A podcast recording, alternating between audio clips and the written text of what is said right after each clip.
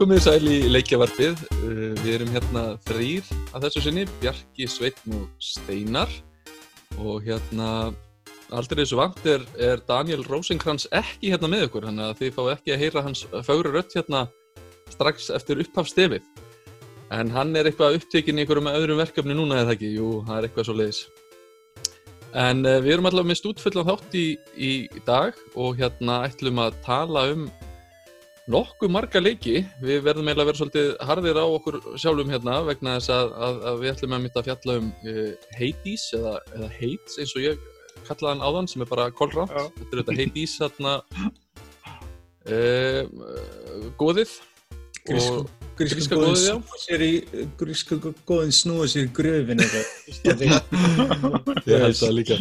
Já, ég ætlaði nú að fletta upp þessu fallega nafni í orðabókina. Að þú ert að vera búið að þýða eitthvað. Nei, nei, það er bara Hades. Það er bara viðkjönd íslenskt uh, Konungur, eða yfir Guð undir heimana Guð undir heimanna, já. það hefur bara Hadesar engin heimur. stikka með einhverju slakri þýðingu Já, já. Við bara verðum að koma með eitthvað nýjari. Uh, já, og svo ætlar Sveitn að segja okkur frá Assassin's Creed Valhalla. Hann er búinn að hérna, spila hann í klessu, leif- leifis mér að segja. Hann er búinn allavega að spila hann uh, bara allan. Þú ert búinn að klára hann, eða ekki? Nei, nei, ég spila bara fyrsta klukkutíman eins og í vídeoinu og síðan bara fór ég á lagðinni sko. Já, hann er svolítið langur maður þessi. veit hvernig þetta er sko Já. ég, ég, ég er búin að gaggrina síðustu fimm leikja undan ég taldi mig vera bara safe bara þú veist að Já, fá smá smjörþifin á þessu. bara rétt kíkja þá, í staðin fyrir þess að 71 tíma sem stendur ekki með mig sko, það, er, það er ekkert sko ég, sko, ég gaggrindi líka Odyssey sem er með hægt að finna á Nördnáls síðunni. Og það var svona svipa ég spilaði hann í 70 tíma gaggrinda, ég sést kláraði söguna alveg spilaði hann í 70 tíma og spilaði hann í einhverja 30-40 viðbót eftir það. Já, já. en það var enda bæði DLC og síðan bara dúkli mér sko að platinum mann eða þústan sko Já, þannig að ég myndi alveg tilnæmda því sem Assassin's Creed sérfræðing hópsins alveg bara án, án þess að hika. ég, ég ætla mest að segja það mér ég búin að gaggra hann síðustu sex í röð Já, ég ég bara, við erum alveg sammála get, ég held ég geti öruglega að tala um það eitthvað smá þar. En hérna, já, svo ætlum við að eh, hérna horfa svolítið hérna það sem er að gerast núna í samvættu við nýjustu leikjartölunar, það er að segja PlayStation 5 sem er að er útgáfudagurinn bara núna á hvað, 50 daginn? Er eitthvað að gerast í þeim álum er, erum við ekki er að að býja til verði og það Já, bara svona smá spenningur, það er svo spennandi þegar eitthvað svona er að gera sko. og líka að bera saman einmitt og hugsa til þess hvernig það var hérna þegar PlayStation 4 kom og einmitt margir búin að segja á spjallarásunum eða spjallarásunum á Facebook svona, ó, hvað ég sakna þess að fara á Já, kvöldopnum talað það, og- sko, ef að fólk segir vídeo mig, þá sést núna nörðlausinu, þess að ég stend þetta fyrir utan kringluna og er að býða eftir að geimstöðin opni á fimmtudaginn. Já, í sveppókonum og með tjaldi Já, öryggsveitni voru eitthvað búin að benda mér að, þú veist, ég mætti ekki vera ofnálægt, sko. Já, tekja En já, þetta regla með þetta Já, en ég, ég fann góðan punkt það sem opna Wi-Fi-merkiðin er. Svo ég get, sem sagt, streymt á meðan ég er að býða. Vel gert að þið getur þurft að koma að með mig fimmtast morgun svo þessi frósinni við yngstar. Við komum með matapókahandaðir og, og Gameboy 12 eða eitthvað Já, ég Og hef, svo- eins og segi, ég skil vel fólki í þessu, þetta er sérstakar aðstæð vegna þess að Já, ég, eins og segi, hef einmitt staðið út í kuldanum eftir leiketölu oftar en einu sinni og það er ákveðin stemning sem er við útgáfu leiketölu. já, þetta er, verður svolítið öðru sér núna mitt en, en svo Já, ætlum við ég svona sakna kjöld- þess mínu. Hvað sér þau? Já, ég, þetta er svona stemning einmitt sem er erfitt að eh, svona lýsa, Maður, þetta er svona sem maður þarf að upplifa og vera þar og Já, þú hefur ákveðin sögur, sko, ég kynntist einum besta vinnu mínum til dæmis í röðflutunum BT í desember 2005. Ein, hafði aldrei hitt manni náður og við stóðum í gattinu eitthvað sex um morgunin á fyrstundegi í frá BT í skeifinni og byrjum bara að kjæfta með svo, svo skýt kallt að na, það var e- ekkert annað að gera en að tala og meðan maður býði eftir að Expo 360 kemur í Íslandi. já Sko, sjáu, tölvuleikir og leikjatölvur Sko. tengja fólk saman Og Svona við, er þetta bara, bara og við erum að þekka sí- síðan, Já, þannig Já, að það. þannig að- Nú er það bara einn dagur og ef maður missir á hann þá er maður bara í fílu marga. Herri, já, svo ætlum við að tvinna svona við þessa PlayStation 5 umræðið, ætlum við bara svona uh, fjalla eins um eða segja frá væntingum kannski ykkar á Demon's Souls og fjalla sem er leiðis aðeins um Spiderman og Sackboy sem ég er búin að vera að spila en og fengum segi, sér þetta eintak af PlayStation 5 til að fjalla um e, fyrir útgáfu dag og það er hægt að skoða þá umfjöllin á heimasíðun okkar um, en kannski bara byrjum á þessum lið sem að Rosenkrantz hefur komið svo fallega á stað og byrja því að spyrja hvað eru þið búin að vera að spila strákar? Já, hver, hver leiðum steinar að steinar að Já. byrja. Uh, ég er búinn að spila Hades sem ég ætla að fjalla um, svo ég ætla að spara tala um hann. Ok, eitthvað annað? Já, og svo World of Warcraft, ég datt inn í það aftur, ég er alltaf Ó, að datt inn í það. það er, hæ- það er hættilegt maður. Ég er Og það er hægt að eftir- aðeins inn í þann leik Ertu ekki að detta svolítið mikið Þetta þá? er svo stórt, svolítið mikið hildýpi, sko. Það Þetta er svona eins og sko, alkoholistin sem segir ég fekk mig bara einn Já. bjórsopa Já. já, þetta er gamall leikur, maður er alltaf dett í hann aftur. Já, Nú er ég dottinn í það, sem sagt. Ég, það er ég, eitthvað, ég tók sex mánuða bendir í þessu leik á sínu tím og það var nóg fyrir mig.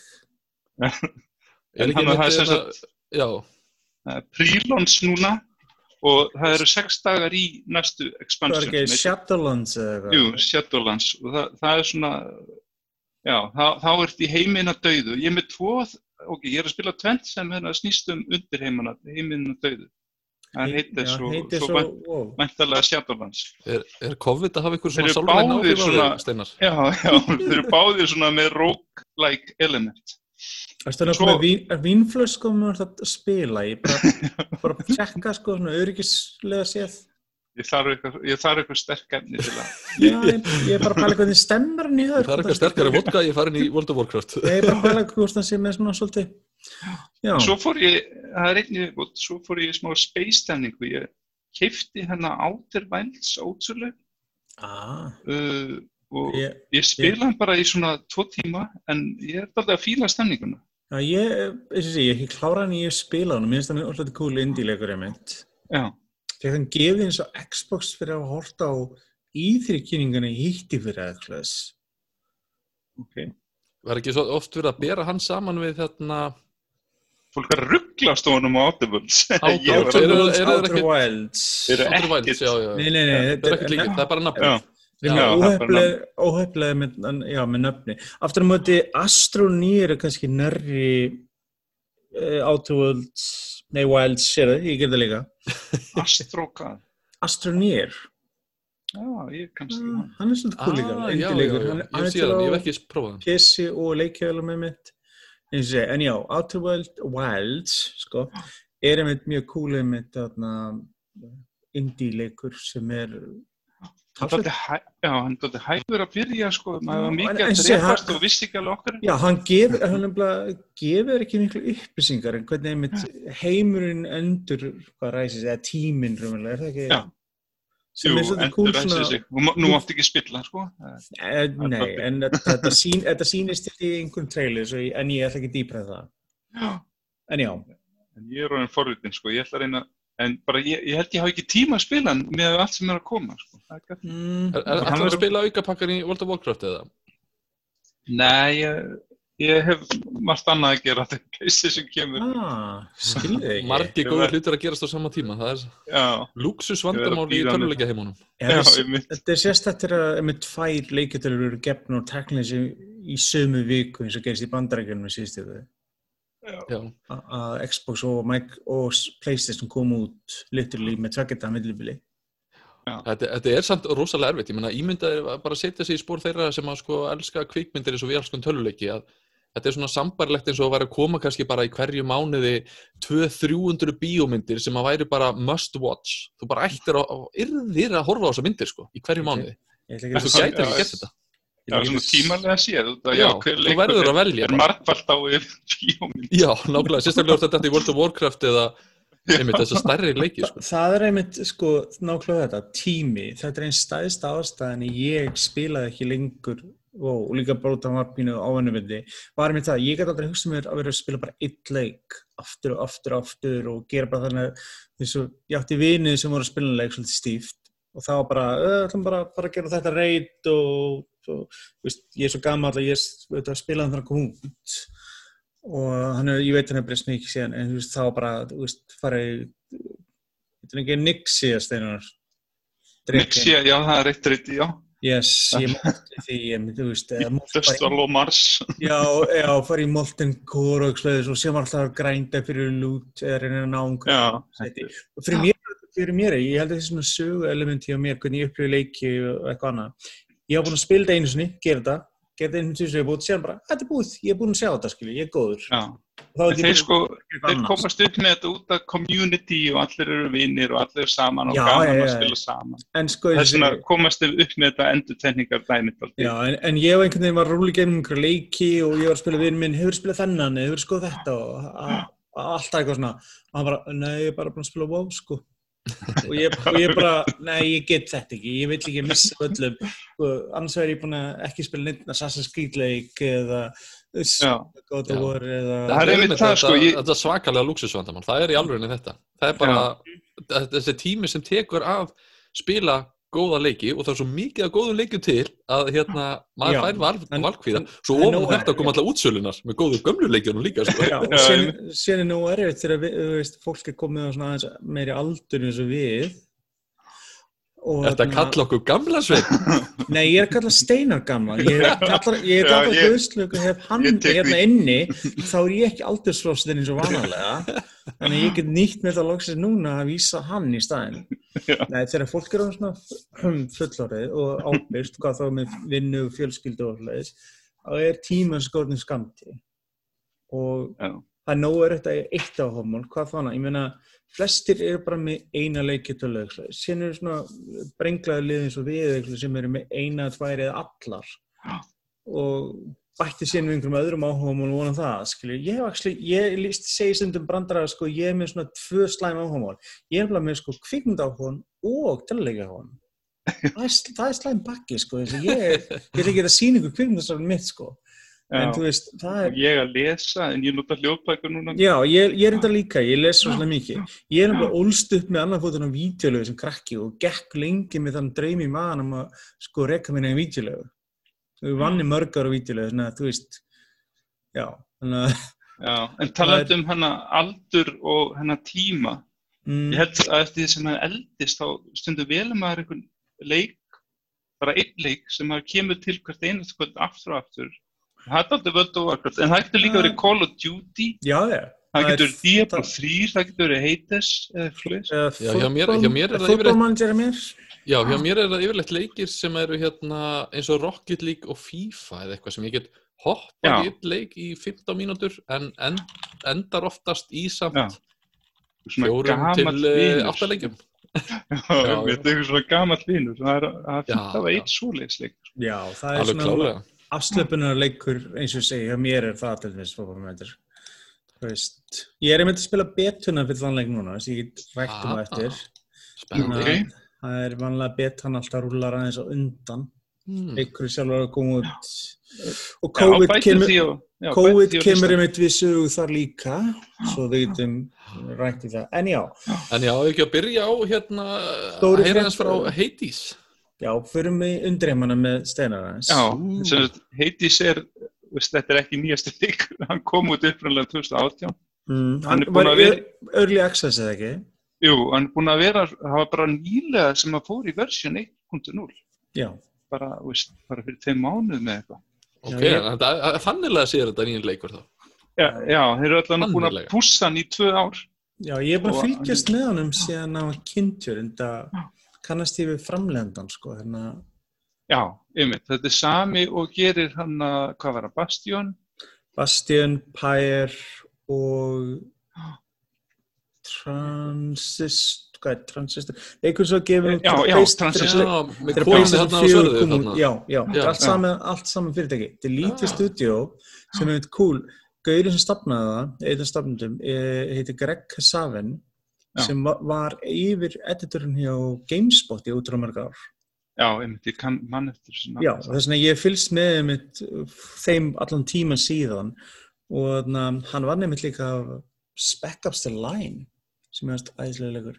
Já, En já, eins og En þeir, allan þeir eru búin að gera svona ég segi, fyrir ekki þessu stiliðni þar. En já, Hades, Early Access,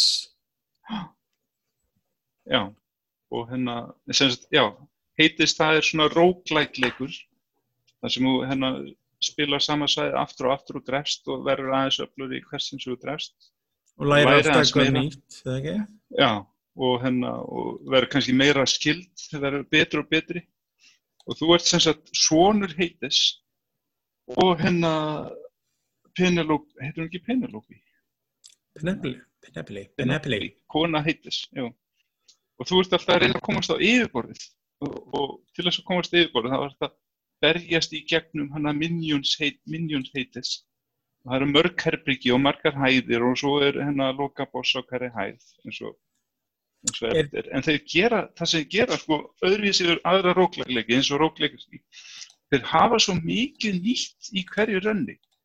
Það er sagan, það er skillin, það eru sex myndis mismyndi vopn, það er þú getur hérna, já sagan er mikið aðrið sko. Það eru fullt af personum þú talaði það er gefið um gjafir og svona og þau segja meir um sig og, og þetta er sko veist, ég er búinn að spila hann, ég veit ekki hvað marga tíma ég er búinn að klára hann svona 15 sinnum.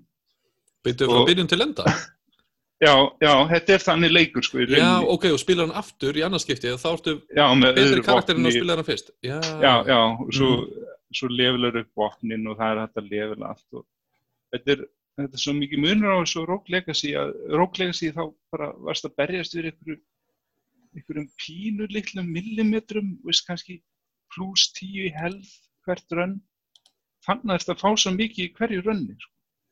þú veist að fá söguna og þú, þú veist að hérna, upp, uppgreita hérna, heimkynniðin og, og þú veist alltaf að fá nýjan díalög hverju einustu rönni þú veist að fá nýjan díalög og svo er fishing það er Já. að veiða fiska og líka svo það er allur anskotin í þessu ég er mjög ánægð með hann leik, hann komið mjög á óvart já. ég hugsa að ég sé að spila hann eitthvað áfram sko. Ég, Og smá, ég er með smá forréttinspurningu.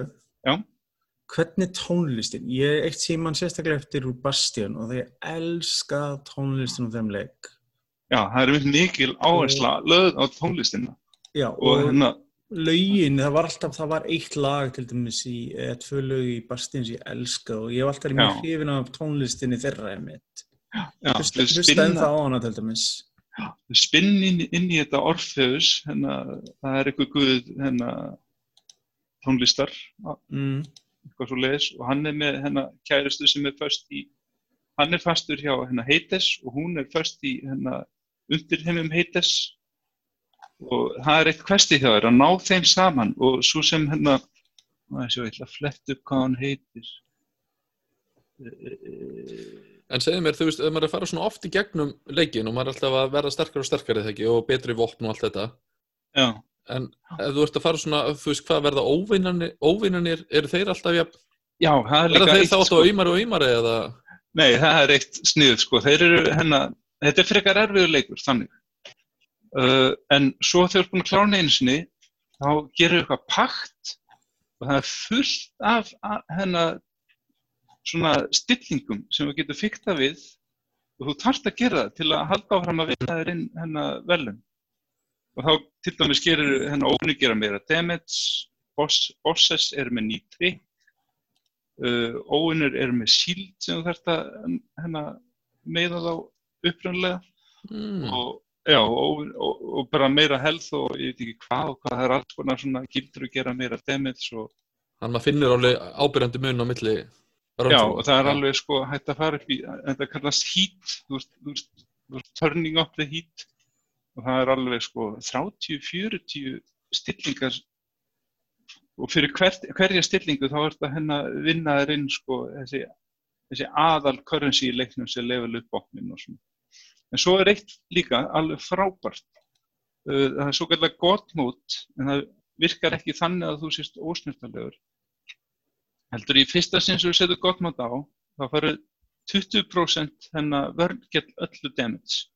Og þetta er fyrir þá sem sko, það er samt challenge þetta er samt erfitt, þetta er fyrir þá sem vilja hafa, hafa þetta aðeins auðvöldari Er ekki Og- kannski sjóðar í þessu líka? já, og vilja söguna.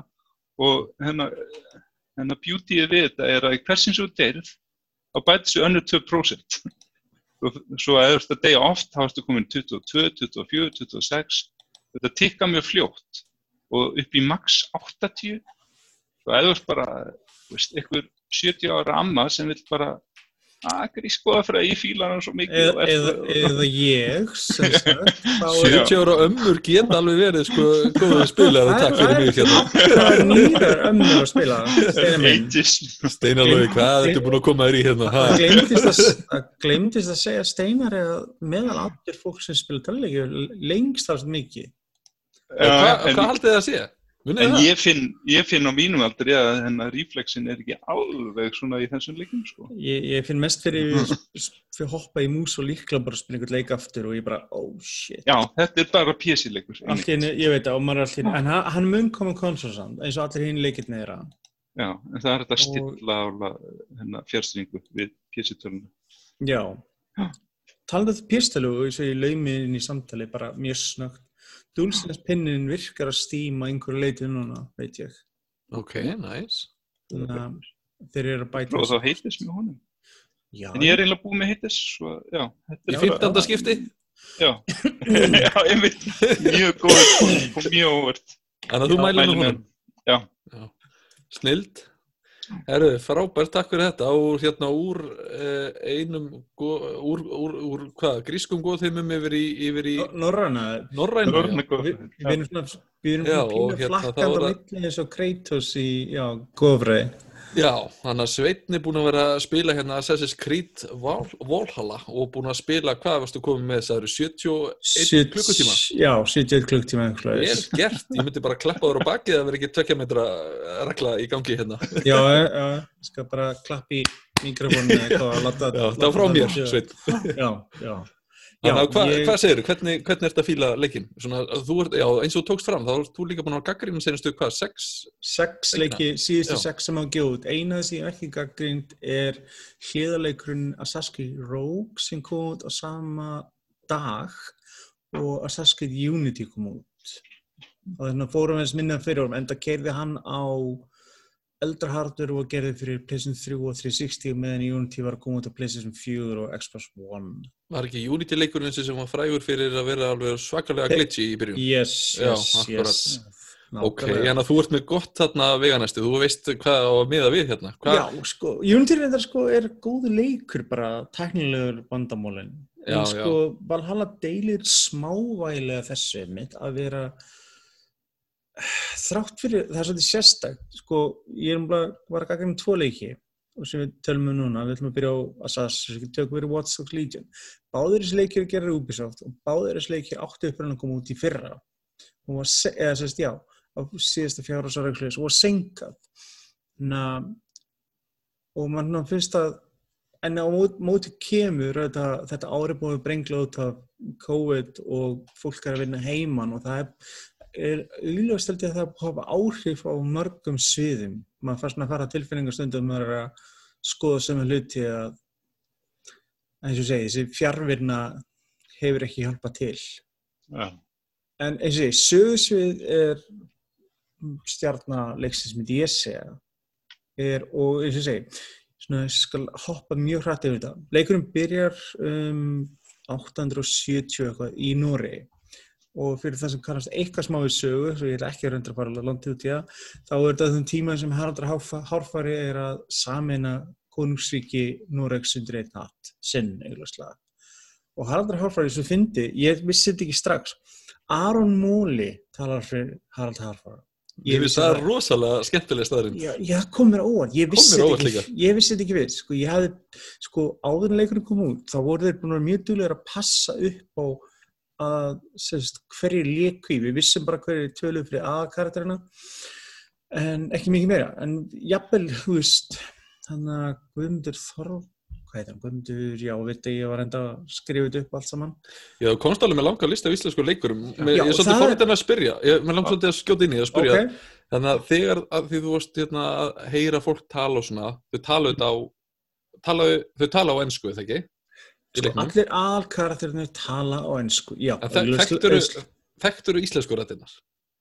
sumar, Sumar, þá vissur bara að þetta er einhver Sko, íslenskur. málið er það, sko, eh, Sigurður sem er sem sagt eina af personum og er sem sagt fósbróði person þinnar, Eivrar, hvort hún sé kallaði kvenkins þó að allt bendi til að kvenkinsútgáfin sé grunnútgáfan þá þarna, hann eins og segið, þú veist, það fyrir ekki með myndla mála, en hann gerir þetta samt rosalega vel, en þú heyrir það svo ábyrjandstundum að þú veist að skandinavar eða svona norrannu íbúður og íslendingar, þeir kunna að segja ákveðna hluti sem myndi svona fella ennsku mælandi mannesku þú veist, þeir geta sagt svona flókin orð, þú veist Þungur hnífur og svona. Já, nákvæmlega, þeir, þeir ráða við það og jafnvel þó þau séu að tala ennsku Þetta var gott referens. Já, nákvæmlega. Og fyrir þá sem við tekið þá er hann að vísi hrafnin flýgur eftir Hrafn Gunnlaugsson, kvikmyndina.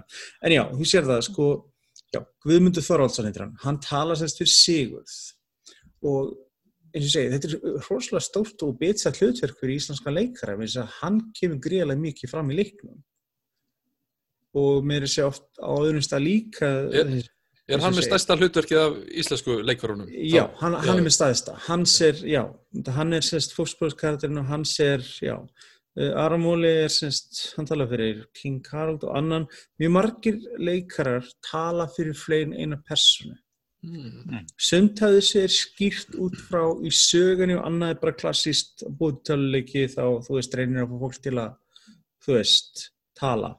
En ákveðnar personur í leiknum tala fyrir aðra personu líka og það er ástæð fyrir því sem ég tók ekki fram í gaggrinni vegna þess að ég vildi ekki gera það. En þannig að, já, hún heitir þarna Svandi Stóra Einarsdóttir. Hún er talað fyrir vörku, spákonna vörku og hún mitt byrjar fyrsta röttin þú heyrir og þú heyrir alveg pott þetta er Íslandingur. Eins og þú veist, hún segir það er okkur hreimurinn, þú veist, þetta er vel gert sko, þetta er engin Jón Páll sko eins og hann var, hann sem var aldrei mjög sleipir í, ennsku gallin og þú, íslenski hreimurinn var svo þykkur hjá honum eins og við munum eftir að voru vídeo, þú veist, það, Já. en sko þú heyrir mörg svona dæmi og þú ert að lappa um líka, sko þetta leikurinn byrjar í Norið og þú hefur þarna uh, þetta er Rikka fylki, þú eru svona tvö fylki í Nóri svæði til þess að fara um sem er bara, þú veist, hlifið og þú þværst aðeins um þar og meðal aðeins er borgin Stafangur sem fólk kannski kannast við. Og þar heyrur sko, þú lappar um og þú bara stendur, þá heyrur bara svona, þú veist, allar þessi NPC karakter lappum og svo leiðis og sér henni bara kemur, fólk byrja að tala um einhverja, já, na, hann er ekkert svona skemmtileg þess og þú heyrir þetta bara, þú veist, eins og ég er að tala og maður bara, hvað er að gerast? Það er óslega skinn tilfinning að heyra síðan aftur á móti heyru önnur og þá svona pínu og veist, þetta var bara eins og vera að heyra þetta niður í lögvegi eða einhvers þar, á Dalvík. En sér annað svona þá heyrur aðeins eða þessi framburð og þá svona myndir ímyndaður að þetta er svíð eða normaður eða eitthvað að tala. Já, ég, sá, ég, var, ég fylgist með norskri leikasíðu og þar var einmitt verið að nefna einhver nöfn þar, einhver norska leikara sem hafa verið að tala inn á þarna, sko. Já, og það það heyrir maður mun, en maður hugsa með aftur, þetta er samt vel gert, skilju. Maður heyrir munin, en við, getum þekkt hann. En síðan er svona þriði útgáðan og þar heyrir einhvern sem er pjúrli ennskumælandi og er að reyna að segja og þá lendir ég í þessum pakka svona það sem þú sér stundum í sjámansáttum og bíamöndum það sem einhver að slátra íslenskunum og maður bara á þetta var íslenska, ert að grínast í mér þetta er ekki svo slæmt sko. Nei, Þeir er, eru er eins það ekki svo í fósbaraður manna Ravis and Travis útgáfa af íslensku? Pírs Brosnan í Eurovision. Já, til dæmis svoleiðis svoleiðis, já, svoleiðis pakki, sko, það er rosalega sjálfgeft. Hitt er miklu meira undirtekning, eh, reglan fyrir undirtekning. Að það sé velgjert. Já, það sé Já, vel já. og það er, það það er að þeir hafa auglustlega nýtt sér alla þessa. Þess að það er mjög ábyrndið þegar þú fer ekki um kredliðastan leiknum, það er miklu fleiri nöfn en þú bjóst við. Sko, það eru nokkur íslensnöfn í sérst kredliðastanum sem eru, veist, það er svona kemur kredliðsti og það kemur nafn, sko, þessi tala fyrir þennan eða leikur þennan.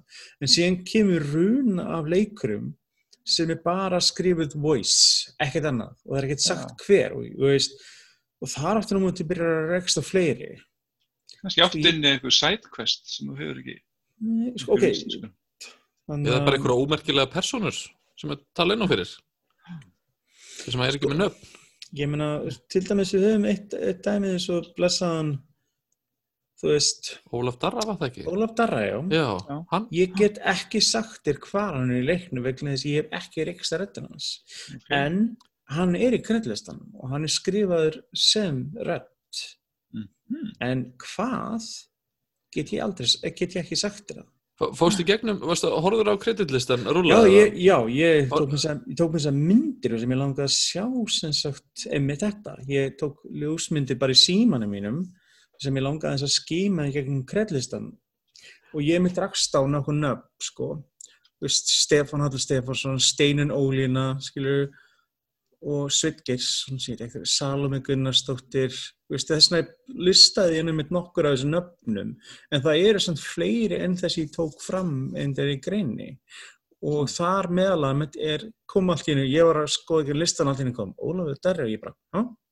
Segðu það? En ég veit ekkert hver hann er skulur en það bara fyndi að sjá þetta sko Þetta er rosa skemmtilegt, að, þetta er metnaður, einmitt, þegar sko, að leikjafyrirtæki það- gerir svona.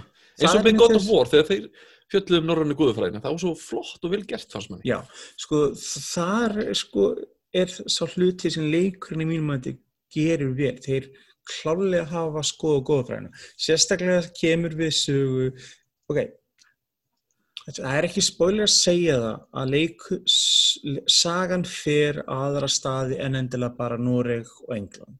Það hefur gerst í öllum hínu leikjunum svo ég veit ekki hvort ég beint spoiler að segja að þetta gerir það líka skilur Í, það. ég veit ekki, ég myndi ekki flokka sér spoiler skilur, þú ert ekki að segja hvað gerist þar. En koma, segja sér sjálft ef Norræn góð komið í sögu hvert heldur það að sagan fari?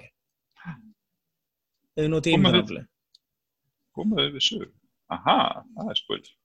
Já, já, Valhalla var ekki nóg mikið vísbendingi þannig að hann heitir ekki Creed Vikings, hann heitir Valhalla.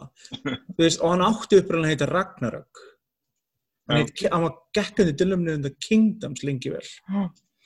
En já, Áskarður augljóslega og fleiri hlutir spila sögu. Allar þessar, og þessi blöndun eh, menninga mitt, vikingana og þeirra þjóðflokkar sem er í Englandir og kemur vegna þess að ástæðan fyrir þeirra Eivur og Sigurður og þau lenda einmitt á Englandi þar sem bráðuparta leiksins gerist er einmitt út af dæminu með Harald Harfara að það voru ekkert allir sem sætt sér við. Minna, ástæðan fyrir að margir íslendingar við erum til er vegna þess að forfjör okkar voru ekkert spendir heldur að vera undir Haraldi og byrjuði að færa sig eitthvað annað. Ma, Man heyrir alveg á þér að þú veist, sagan er töff eða góð og, og, Já, og, og- framsetningi flott, en mér líður eins og að sé eitthvað svona, en, uh, but, já, það er það það er but en það er ekkert eitthvað rosalega stórt but ok, það er málið, sko, ekki sé big butt. Snúðu við Bjarki, ég er aðeins að kíkja og sjá hvernig er. Sko málið er það, Ubisoft er umlega, gerði svona, hálfgett svona, uh, í sletti soft reboot af seríun með uh, Assassin's Creed Origins árið 2017. Þeir stækkuðu seríun, eða byggu til svona open world, auðvitað horfðu til leikja þessu Witcher 3 og slæðis og vildu koma með nýja hlut til, meðal hans stærri og opnari heim, ekki svona smerri borðið eins og var áður sem ég fannst mjög gott og líka breyttu bardakerfinu sem ég fannst alveg löngu komin tíma og persónulega. Já. það verið ekki lengur að standa bara og býða eftir að einn, það voru tíu gaur fyrir hliðinaður og þeir voru að skiptast á að að slá þið einn og einn í einu engun dætt í huga lapp fyrir aftan að stinga þið með sverði í baki og klára bardaðan sko. Það var á flóki. En já, eins og segi, þetta er svona áframhald að því sko sem byrjaði orðins held áfram í Odyssey og núna hérna. Það eina sem ég kannski fannst er sagan er mjög cool sögur sem er skemmtilegt að vera, þú veist, að byggja upp þetta í Þorp, þú myndir Reyfinsþorp og, og eftir klanin, Hrafnaklani og þú veist að mynda bandalög og þarna í, á því svæði Austur-England sem kemur og upp því svona hálgert í konungsríki, getur við sagt með því að mynda að vinna með öðrum eða gegn öðrum. Þetta England þessi tíma er bara samansafna smáríkjum sem eru að berjast innberjus og er ennþá jafna sér pínu eftir árásir uh, Ragnar Lóbergar á undan sem var eitthvað 30 árum áður þó að þú veist, þetta leikur fylgir ekki 100% söðunu, hann tekur svona velur kabla sem hendur honum eins og algengt er í töluleikum með bíomöndum en eins og segi, þetta er það og síðan spinnast inn í auglustlega þessar uh, hluti úr assassleikjónum sem er einhver leiniregla og baratan á milli launumorðingjana og það sem síðar verður templararnir. eh, Myndur, myndur mæta með þessu leik fyrir fólk sem hefur ekki verið að spila þessar eh, seríu áður? Já, já, það er ekkert mál að hoppa inn í hann vegna þess að þessi hlutir er ekkert rosalega yfir þyrmandi ennþá, vegna að við erum ennþá stattir fyrir sögunni, þeir erum bara aðtísa nálgun með þessu nýju leikjum, þá völdu sögu tímabil sem raunverulega er á undan fyrstu leikjunum. Þannig að það Já, er ekki komnur, sko það er ekki, sko templarreglan er ekki til ennþá. Hún er ekki mynduð um á nýjöndaldinni. Þú sér það að Assassin's-reglan er til en hún er samt ekki orðin nákvæmlega af því sem hún verður þegar Creed 1 er gerður sem er á 14. aldi, eitthvað leiðis, 14-15. En þú sér að það er ennþá nokkuð um ár. Þú sér að fyrstileikurinn gerist í Egyptaldi, nokkuð þúst árum á undan. Eh, Síðan fór gerist Odyssey sem var alltaf lengra aftur í tíman. En núna sé þessi, þessi, þetta er leikurinn sem er næstrumlega heinu leikunum í sögu. Já. Þannig að við erum loksist núna að fara að nálgast Assassin's partin aftur svona meira sem er hafa kostað undan leikinu voru ómikið eins og Witcher eða Open World svona RPG leikir og ekki náðu mikið Assassins. En þessi reynir einhver leiti að uh, koma með það tilbaka en fyrir ekki alltaf leið kannski. Minn mest kannski vankantur og það er bætti sem Bjarki er búin að við þetta er eiginlega bara að mér finnst leikurinn köplum vera óþarlega buggy og maður svona fekk svona tilfengana að hann keiri mismöndi vel, ég spilaði bæði Playstation útgáðan og Xbox útgáðanar ég hafði svona ákveðin samanverð þar til þess að bera saman. Og samt var ég að keira þetta á Pro, uh, Playstation Pro, F4 Pro og Xbox One X sem eru betri vélarnar. En maður er búin að heyra að ef þú átt upprænlega Tims Playstation 4 sem kom út bara fyrir húst hvað, 6, Þrettán. nei, 7 árun síðan. 7 árun síðan eða Xbox Leis þá er þetta ekki eins góð upplifun. Aftur á móti, ef þú veist til dæmis einn af þeim sem er að fara að spila á Playstation 5 það er allt annað pakki. Og leikurinn þetta býður upp og fría uppfæslu af uh, Playstation 4 yfir í 5 og Xbox One yfir í Series X sko Hvað er það þá sem er, er svona, er þetta svona lengi, er, er, er umhverfið lengi að, að hlaðast eða su- eru þeir að högta eða? sko sumtæðis er bara þetta klassísk nákvæða það er smá högt veist, einfalda bara leikurinn lengi að lóta og sem er ekkert óðurlegt eitthvað sem sjálfkrafa minkar eða hverfur algjörlega bara með kraftmeri vélbúnaði eða betri harddisk eða SSD en síðan er þetta bara slatti af villum, sko maður bara kannski miða við að leiknum að senka mikið og gert þá bjóst ég við henni í slípari en þar spyr maður sig er kom COVID síðan inn og skemmt Já, já. spilti rosalega mikið fyrir því Svo er Getur- líka ákveð, ákveðið hérna ákveðin hausverkur eins og Cyberpunk uh, teimið er búið að tala um núna að, að það sé já, svolítið flókið gamlu tölvurnar sé Já. að draga niður og það er líka er svona annars- tímamót í gangi Já, það er, an, það Já, er annað sem ég hugsaði mitt líka. Það er Já. einmitt það, sko, ég held að þessi leikur þjáast ekki mikið fyrir það. Nei, það sko, á engan, engan háttir en sko, ég hef ekki spilað hann uppröðinu pleysin fjögur svo ég get ekki svara fyrir hvernig það er. En ég hef prifað hann á Xbox One S sem er samt miklu, miklu low-spekkari vél og er með segjum low-spekkari pleysin fjögur orginal og hann keir alltaf læða sko, þannig að það er ekki það, hann keir alveg ok sko. En ég var meira lindi bara glitchum tengdum, achievementum voru ekki að poppa og hlutins en ég held að það var bara á þetta sama tíma og ég var að þessu þá þetta var Microsoft að gefa út SDK Xbox Series X og S og Sony að gefa út PlayStation 5 og það hafði gríðarlega áhrif á all netkerfi.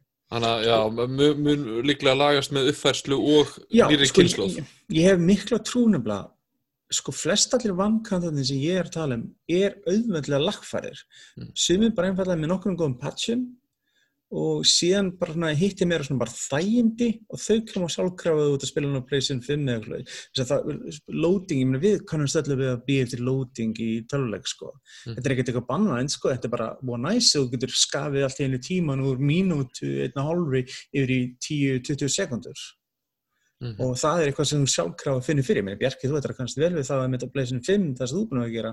Já, að spila Spider-Man eins og við komum eftir einmitt þetta loading dæmi.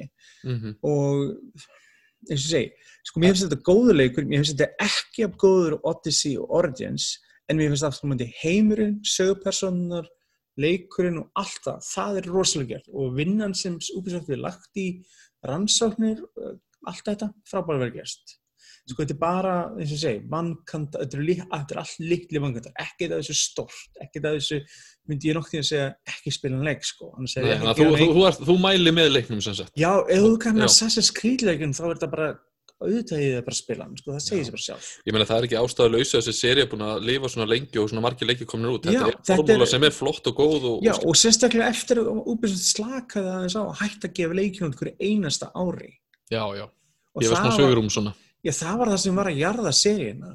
Sérstaklega líka, þú veist, það er líka rosalega erfitt að búa til leik þar sem eru svona mörg stúdíu sem koma að, það er með Ubisoft. Þú fyrir ekki þess að Jésús minn. Það er Ubisoft sko Kanada, það er Ubisoft Frakland, það er Ubisoft uh, Ubisoft, uh, hvað er það? Það er Ubisoft Bulgaria, það er Ubisoft Hong Kong, það er Ubisoft Singapore, Ubisoft Kína, Ubisoft Japan. Það eru ótrúlega mörg stúdíu sem koma, þetta er nokkuð þúsund manns og kannski tíu pluss stúdíu sem koma að einu leik. Og Það er eru svakalegt sko. og þau eru að púsla öllu þessu saman, sérstaklega núna eins og staðan er. Þetta er okkur rosalega erfitt. Þess vegna er ég var ég mjög ánægður þegar Ubisoft tilkynnti að þeir voru að byrja núna á að gefa út annað hvert ár þessi leiki.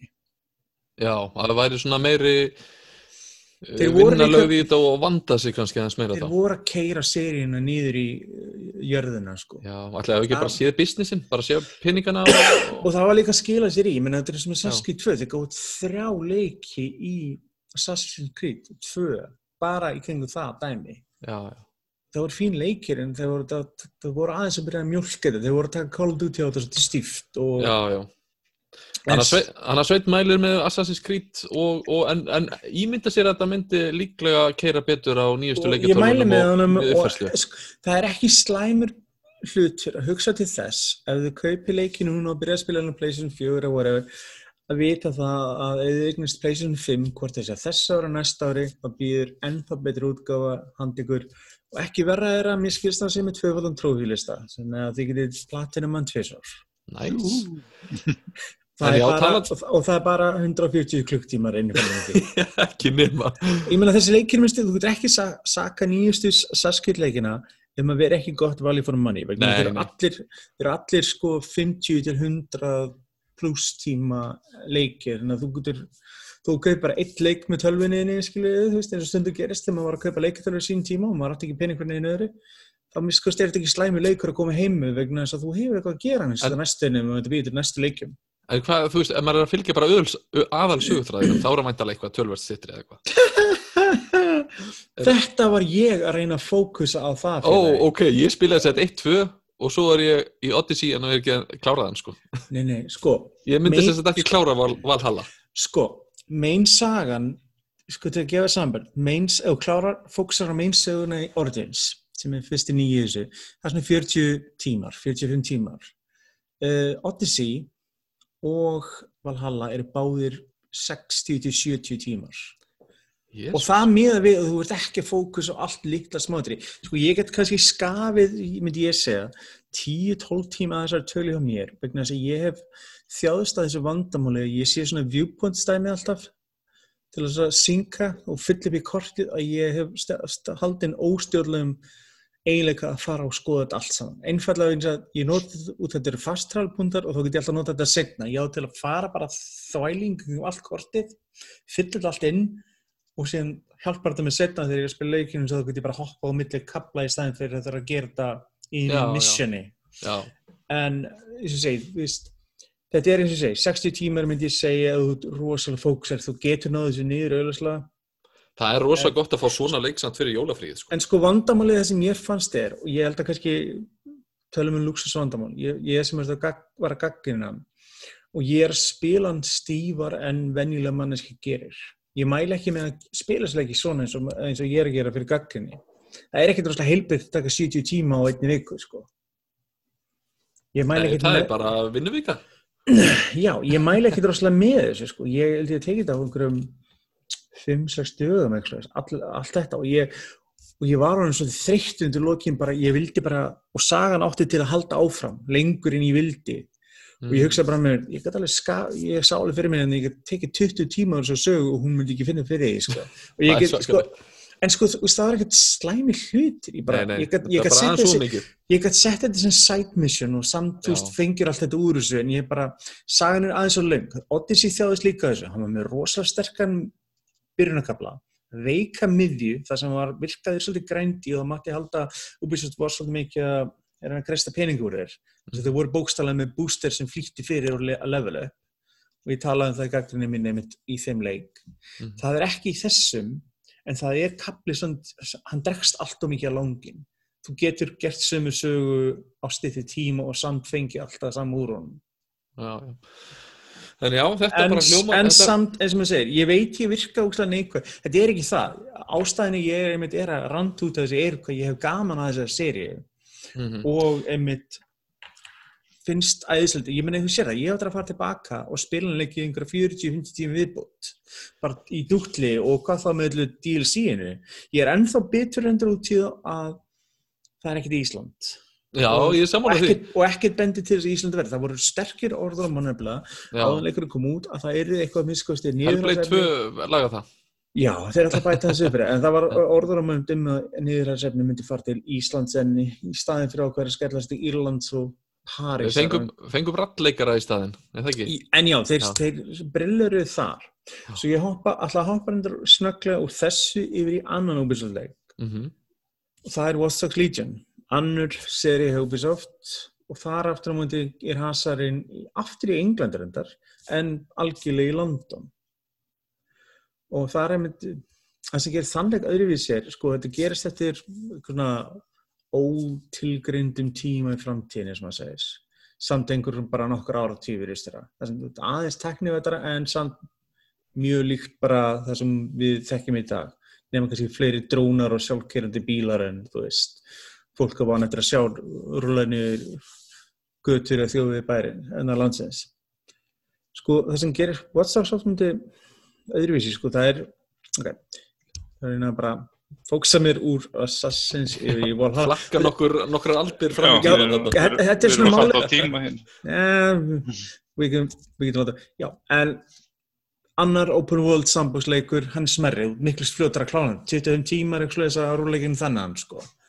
Þannig að það er ekki, já, Bjarki getur örugglega fundið tíma fyrir að klára hann. Já, já, ok. Þannig að hann er þægilega, þægilegur bara í Já, spil. já, sko, Já, hann er ekki eitthvað. Sko það sem, sko, það sem er skondið við þennan leik er vanalega þegar þú ert að spila leik eða horfa bíómynd eitthvað þá ertu með aðal eða aðalsögu personur sem þú fylgir. Það sem gerir þennan leik sérstakann að það er engin að persóna í leiknum. Það sem gerist er þegar þú byrjar leikin er þú leikurinn lætur því fá ákveðna hana, random personu þeir eru með einhvern runu á kannski 10-20 personum sem þeir hafa undirbúið og þú færð einhver af þeim og það er eiginlega handóskend hvað færð. Og ert sinns þér krútaður inn í hakkarsamtingin DeadSec til þess að segja, hreinsa orð, orðspor þeirra eftir að hafa kent um uh, hriðurkáður á London. Og þeir berast gegn fyrir gegn svona enga, hvað segja, málalega fyrirtæki löggeislu fyrirtæki sem er búin að taka völdin í borginni og er búin að taka stóra bróðu fílingin allra hessilegi visti ekki gæg en það var svolítið sérstætt sko það, það er svona okkur random þessar í gangi þegar karakterinn. Þú getur nefnilega, sko, stóra konceptjum leikar, þú getur rekrúta hvert sem er. Þú getur hvort það sé vörðurinn í Buckingham Hall eða Guðsóparinn niður í bæ eða klubbgilan í Camden eða bara hvað sem er, þú átt að geta fengið hvert sem er.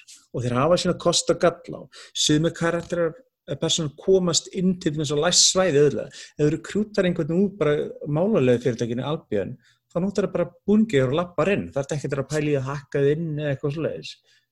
Þannig að er mjög þægilegt, ég geti gert það og hend það eru slá ofta ég passaði mig að vera með mismöndi karakter sem ég geti nota til að gera vissa hluti í leiknum til að auðvitað mig fyrir. En á sama tíma gæti ég hundsa það allt saman og pröfa einhverja aðra nálgun Hvað er þetta alveg hundruður mismyndi kartar? Er þetta svona combination random sem er blandað saman í einu persónu? þetta er, ég, ég veit ekki Það maður er hýrt um ralleikarna sem svona passa kannski ekki alveg út. sko, það verður örglega einhverja YouTube sem er búin að fara í gegnum og sjá hvað hann getur fundið marga, þú veist, hver mikið þetta er. En það er einhver random með sér í gangi með bæði rattirnar og síðan karakterina. Það er stundum svolítið skrítið. Þetta kannast allir hérna, mjög margir við að þú ert að byrja suma töluleiki og þú getur búið til einu personu og þú getur leikið með svona slætir og haft hann bara grænan eða þú veist hvítara en þú veist snjó eða alls konar kombo. Og þú fær svona tilfinning stundum að þeir hafa smelt á random taka nokksinum og búið til karakter út úr þessu. Og leikurinn er að gera það. Og stundum passa reddirnar til dæmis ekki við þá.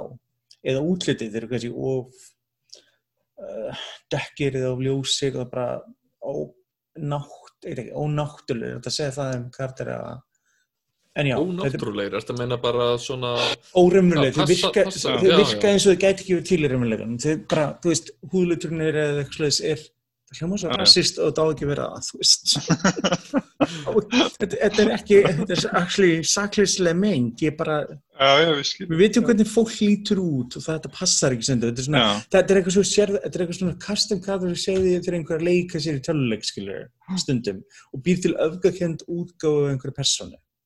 Og stundum Já. fara á tilfinninguna það en, en það sem er skemmtilegt er að persónur eru með svona traits, ólíka traits. Þannig að þú getur fundið einhverja gamla konu sem er rosalega góð með skotfókn en hún er ótrúlega hæg að hlaupa eða eitthvað þess og eða útrúlega góð njósnara sem rekur við og látur alltaf vita eða með hyggsta eða einhvern, gam, einhvern gaur sem bara allir dettinu döður og þú veist aldrei hvernig það er.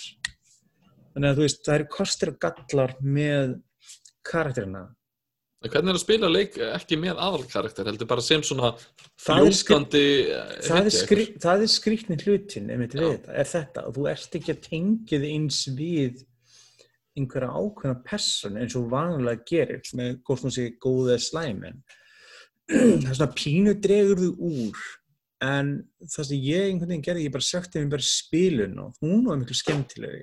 Þetta frelsi að svona pröfa sig áfram og sjá hvað virkaði ætlaði ég að klif, klifra upp þessa byggingu til að komast inni, ætlaði ég að hakka mig ætlaði ég að nota drónan, ætlaði ég bara að mæta á haglabissuna, þú veist hvernig ætlaði ég að leysa verkefni.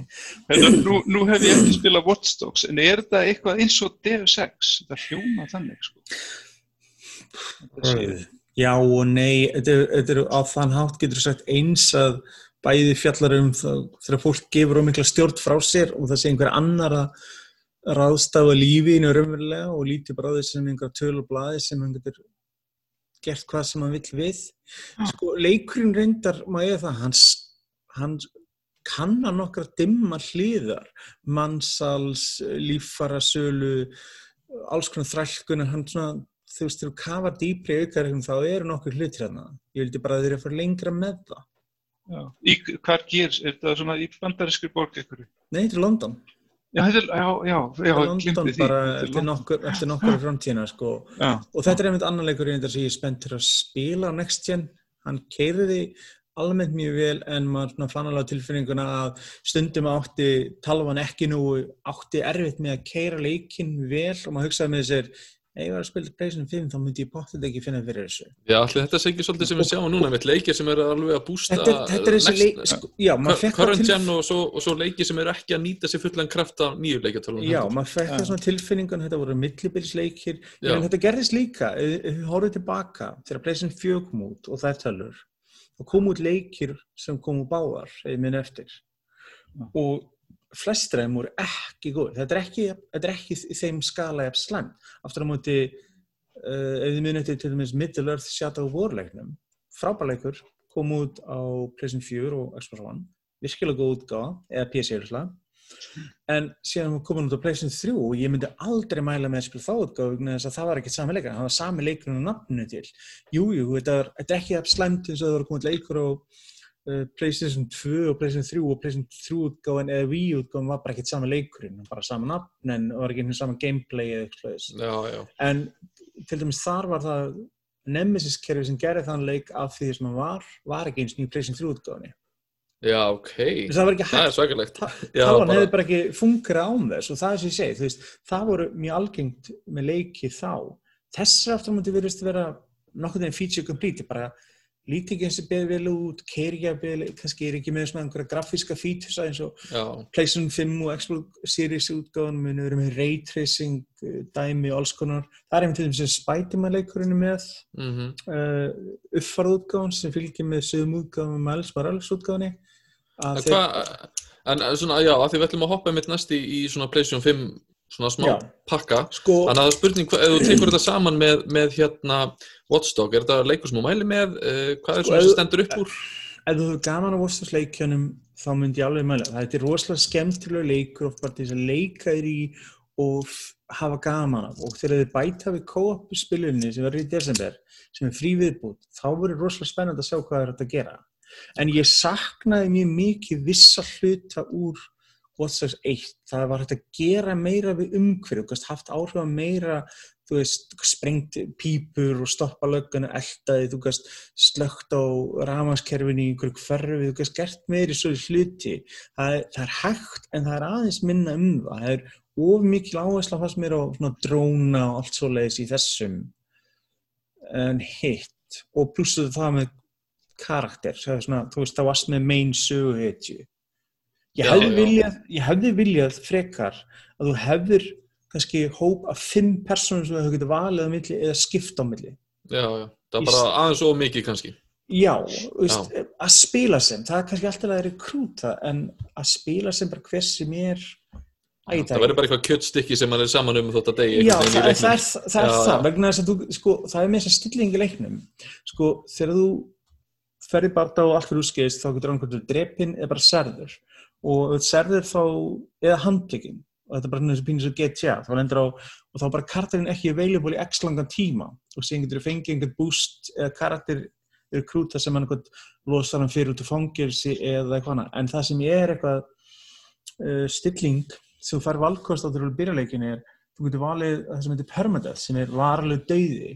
Og það er óhóð erlegstilíkunni það því ef að kartaninn er dreppinn þá er hann dauður og kemur ekki tilbaka aftur þannig að þú er búin að finna einhvern henduðan karðin passa fyrir leikstíliðin og síðan lendir í einhverju vandraðum og hann deyr, eða hún deyr þá kemur ekki tilbaka aftur það er actually breytið svolítið spilun leiksins og það hefur verið svolítið djörn olgun eða verið haft það sem grunnstillingur leiksins Mm, En það er að ekki- slökkva á en- henni. Já, já. Já, en þetta er valkostur. Hann leikur í misti lætur við vita og fyrsti parturinn er með þetta disable hvað sem er, þú getur ekki valið þetta þannig að á meðan hann er það að kenna þér á. En, Já, já.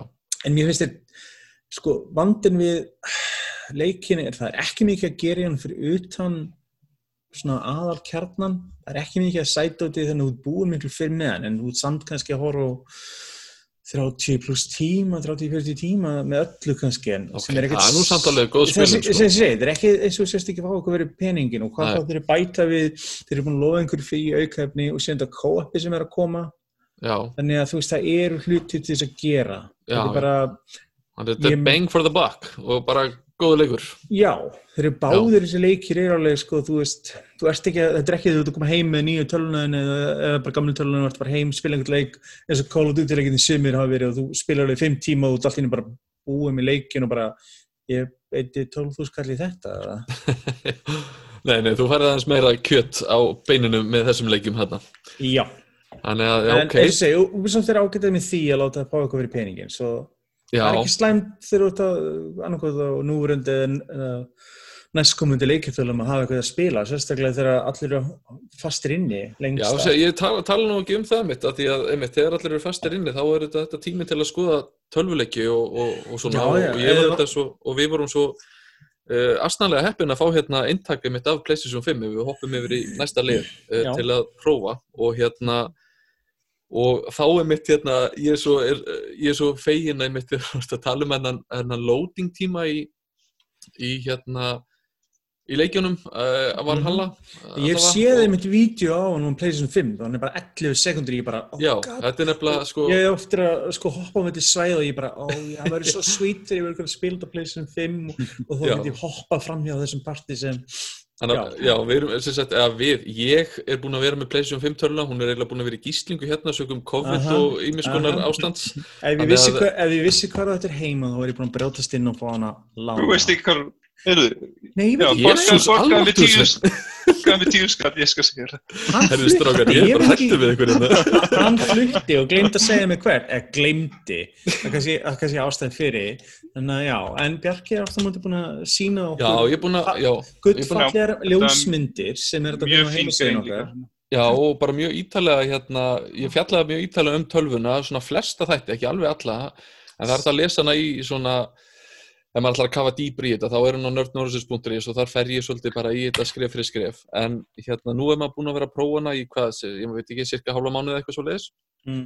og það er einmitt svo magnað hvað maður er einhvern veginn lúmst vanur því að ég ætla bara að tvinna þetta svolítið sama við Spiderman uh, Miles Morales leikinn. Ok, sem er svona fyrsti alvöru leikur sem ég spila á, á tölvuna fyrir utan hérna uh, Astros Playroom það, þarna. og samt er það skondið að Spiderman-leikurinn er samt líka uh, Hann er líka- Christian-leikur já, hann er líka PlayStation 4, já, já. Og í þokkabót er umvel expansion pakki Já. hálfpartinn af upprunna Spiderman-leikurinn og það, það, já, það er einmitt nokkur aðtil sem átt að koma að inn á. Það er sko, ok, nummer eitt, hlæðslutíminn vá hvað það var Mhm. skrítið að kveikja leiknum og byrja að spila svona, tvær sekundur þetta, sko, ég tók bara eftir því uh, því ég valdi leikin alltaf að byrja að spila. Ég sjálfkrafa tegði mig síman í, í vasanum vegna þess að ég er bara vanur að fara að skrolla aðeins ekki um Facebooka meðan allt er að lótast. En Já, já. ég er ekki að grínast, ég bara náði ekki að taka síman úr effing vasanum sko. við erum að tala um það, það mikið hraða. En á móti er þetta líka leikur sem kerir líka á PlayStation 4 þannig að þetta er auðvitað ekki uh, mjög þungur leikur endilega fyrir PlayStation 5 og það er líka annað atriði í þessu að það er þetta grafíska stökk. Maður er ekkert að sjá það endilega svakalega mikið Nei, þessum nei, leik ég held, að, ég held að Spider-Man 2 verði miklu skemmtilega og já, þegar það er fókusa meira á uh, PlayStation 5 almennilega einhvern veginn. Já, en hann er samt mjög flottur og ég spilaði ekki PlayStation, nei hérna Spider-Man 1 fyrirleikin sem sett ég er búin að skoða hann og prófa hann aðeins svona bara létt. Skammast þín. Og hérna þetta er bara basically, þú veist, eiginlega sami leikurinn Já, þetta er sami leikur, þetta er bara er eins og ég segi, þetta er eins og við, þetta er eins og við gamlingar þetta myndi kalla expansion pakki, Já, þetta er, þú veist, ég, ég fór í gegnum uh, aðalsöguþráðin ég var í kringum, ég man ekki, 7-8 klukkutíma að klára hann, sem er Já. bara cirka ein hlæðsla og DualSense fjastringunni, sko. Já, Þannig að þetta er bara mjög stutt og þá erum við að tala um það því ég er búin með þetta og einhver í örfá sidequest, þá er ég búin með, hvað var það, 64-65% af leiknum. Þannig að, þú veist, þetta er ekkert eitthvað risastór pakki, ekki sérstaklega þegar þú er búin að vera að tala um hérna, uh, hérna Watchdog og, og Assassin's Creed, þá er þetta mjög lítill pakki, en þetta er samt ógeðslega skemmtilegu leikur. Þetta er þetta starri pakki að þú kaupir og farið að rýmast hérna hinuleiknu með, þá ertu aftur komið með sæmilega drjúan pakka. Já, og þá ertu komið með flottan pakka. En eða þú ert eins og ég sem að finnst kannski skemmtilega að flakka á milli leikja. Ég, ég til og með get ekki 70 klukkutíma leiki. Ég er bara, ég endist ekki 70 klukkutíma í einu leik. Ég held að meti, meti mitt sér Fallout 3 og Final Fantasy 7 og það var eitthvað, ég man ekki 40 tímar eða eitthvað. Ég reyndar, ég reyndar, að leysa þetta. nei, sveit, nú nefnilega kemur alvarlega aðtöðsendi mín hérna og það er að á PlayStation 5 Aha, þá getur maður þökkunarlega séð og eða blessunarlega séð og kannski ekki svo mikið, séð hvað maður er búin að spila töluleiki lengi og þá Meina, sá ég hvað ég er búin að spila Rocket League lengi. Og, og, ég bara kann ekki að telja svona hátt krakkar, þetta er það svakalega hvað er það, það mörg hundru klukktíma, segðu satt. Ég, veistu, ég, Ég kann ekki að telja svona ég man það ekki, en þetta, er, þetta var eitthvað svakalega upphæð nei, hérna upphæð þetta, Stein, hérna, Steinar, hann segist ekki muna. Ég, ég, Þetta líka- skömmustilega hátala Þetta honum svona umræða þegar þú tala við World of Warcraft og spilara, veist. ó, ég veit það. Þetta er bara peanuts allt sem þið Já, eru. ég, veit ég, það, ég hef heyrt hryllingssögur. Hjá mér er þetta alveg bara blessaði dögum, sem sko. er í, já, ég er í með alla fútbolmöndir yfir þúsund til 2000 klukktíma að spila það, sko. Já, ég meina allir spætumenn að frá örgulega 100% er, eh, ég meina ég er ekki komið 100% en með, með prósentu framfærinna mínar í leiknum að þá er þetta líklega í kringu 15-16 klukkutíma leikur eitthvað svo leiðis. Já, og sem, já, sem er alveg eins og ég Það er bara mjög fínt sko, og mjög, ég meina hann, þetta er bara mjög skemmtilegu leikur, ég gaf hann um fjóra, fimm mögulegum, hérna byrtum gaggrínuna á nördnúrusins og bara mjög fínt leikur en, en ég meina þetta er ekkert juicy stuff, þetta er ekkert Nei, eitthvað, nei, en þetta er ekkert leiðilegt að fá samt í með nei, annarkvort, ég meina, en það, eins og ég segja, á PlayStation 4 þá er þetta að upplifa hennar frá- hlæðslu tíma er bara magnat, það er bara svo leiðis. Mér finnst líka Miles Morales eiginlega svona eh, svolítið skemmtilegri útgáfa af Spiderman Mm. Varstu búin að sjá myndina sem kom síðast, teknumyndina, Into the Spider-Verse? Nei, Ég mæli með henni þá. Ég sá hana, hún var mjög góð. Já, hún er mjög góð. Ég mæli með að horfa á hana ef að, þú veist, þið fannst þessi kallið skemmtilegur. Já, þá ættir að, það ættir að mjög gaman að þeirra mynd, þess að Já, þessi, hún hafði áhrif á Já. þennan leik. myndi er meira svona frelsi í þessum hann er svona einhvern veginn að- já, hann er flippaði kombatin, er, er eiginlega aðlatri í svona leik. Það var Já. alltaf Já, fyrir. Hann barða, er er mjög gott þetta er, Hann er hérna- aðeins öðruvísi, út, hann er með öðruvísi powers að einhver leiti, það ekki? Já, er, þetta er bara mjög gott flæðið mitt, maður hérna getur, maður að nota í rauninni bara, ég veit ekki, mér finnst þetta ekkert eitthvað að vera svona, þetta er ekkert eitthvað voðalega nýtt finnst mér, en sem sagt flæðið í bardögunum er svo geggjað, veist Það var frábært í upprænlega svætbáleiknum Já, mér, þú, sko, maður er ekkert endilega sérf, maður, þú veist, þú dugar að aðeins að læra á leikin og þú, þér líður eins og sérst að spila eins og ykkur rosalegu próspilari, sko. Já, Já, þú veist að taka ykkur svakalega tæklingar og... Hann er, hann er mjög örlátur á að leifa þér að upplifa þið sem ákveðna heitji, sem er bara Já, góð hlutur, já. sko. Akkurat, þannig að þetta er svolítið þannig sko og, og það er svona, þú getur tvinna rosalega mörgu saman einhvern veginn einmitt, allt í hennu eftir að grípa í ruslatunna og fleia henni, svo ertu að taka byssun Já. og svo dundrar þessum í loftið og svo tekur einhvern veginn special Þetta- attack og þennan og Það minnir mig mikið að mynd á þegar ég spila hinleikin og ég mynd það er einsting sko, þú, að, þú ert ekki búin að spila hinleikin eða einnig maður að skoða hann. Út að þið breyttu karaktermódulinu á Spiderman, Peter Parker karakterinu. Ó, sp- spoiler að ég sagði Peter Parker er Spiderman. Shit, ups en já, þannig að þið breyttu módulunans á milli remasterútgáfunar og upplúðgáfunar Já, ég ger það ráð fyrir getur að sko. Já. Ég, já, ráð fyrir að þessi uppfæra útgáð sé líka í Miles Morales og þau töluðum með að mjög sérstakar ástæðunar okkur er gáfi okkur er breytti þeir Já, ég skil ekki alveg okkur þeir yngdan er bara talsvægt upp. Já, ég veit það ekki. ég veit ekki hvað er að plana en þeir, þeir segðu hvað þessi já, þeir vildi hann líktist meira ralleikarunum sín eitthvað. Ég, þetta, mér fannst þetta wow weird eitthvað. Já. Já.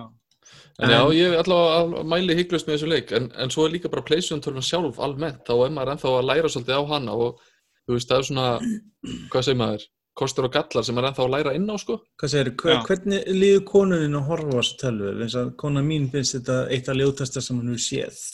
Og, það, Place- nú- og ég er ekki henni komin pleysin sko, að ég segi ykkur, uh, tölvan sést voðulega lítið hjá mér einhverstaðar. hún er inn í lokuðum skáp sem er hálf opinn þegar ég er að uh, spila inn, Já, ok. það er engin baklið á skápnum Þú já, ég, ég, ég, ætla, ég ætla ég er ekki bara að drepa hana ég er ekki að fara það er ekki bara hana. að öskra bara og Bjarka og bara segja, hvað segir, lókuðum skáp? Nei, nei, nei, er, ég, ég hef hérna, ég er ekki alveg þar sko, en nei, nei, Ég- það er nógu að loft, en, en það er einmitt annað, hún er ógeðslega hljóðlátt, það heyrist rosa lítið inn í sérstaklega En það á er hún, 4, en, en það er hún líka fucking huge stallon en hún, hún hýtar alveg álíka frá sér, myndi ég segja, Ég held að þú getur grilla samlöku fyrir aftan hann góðum degi. örugglega.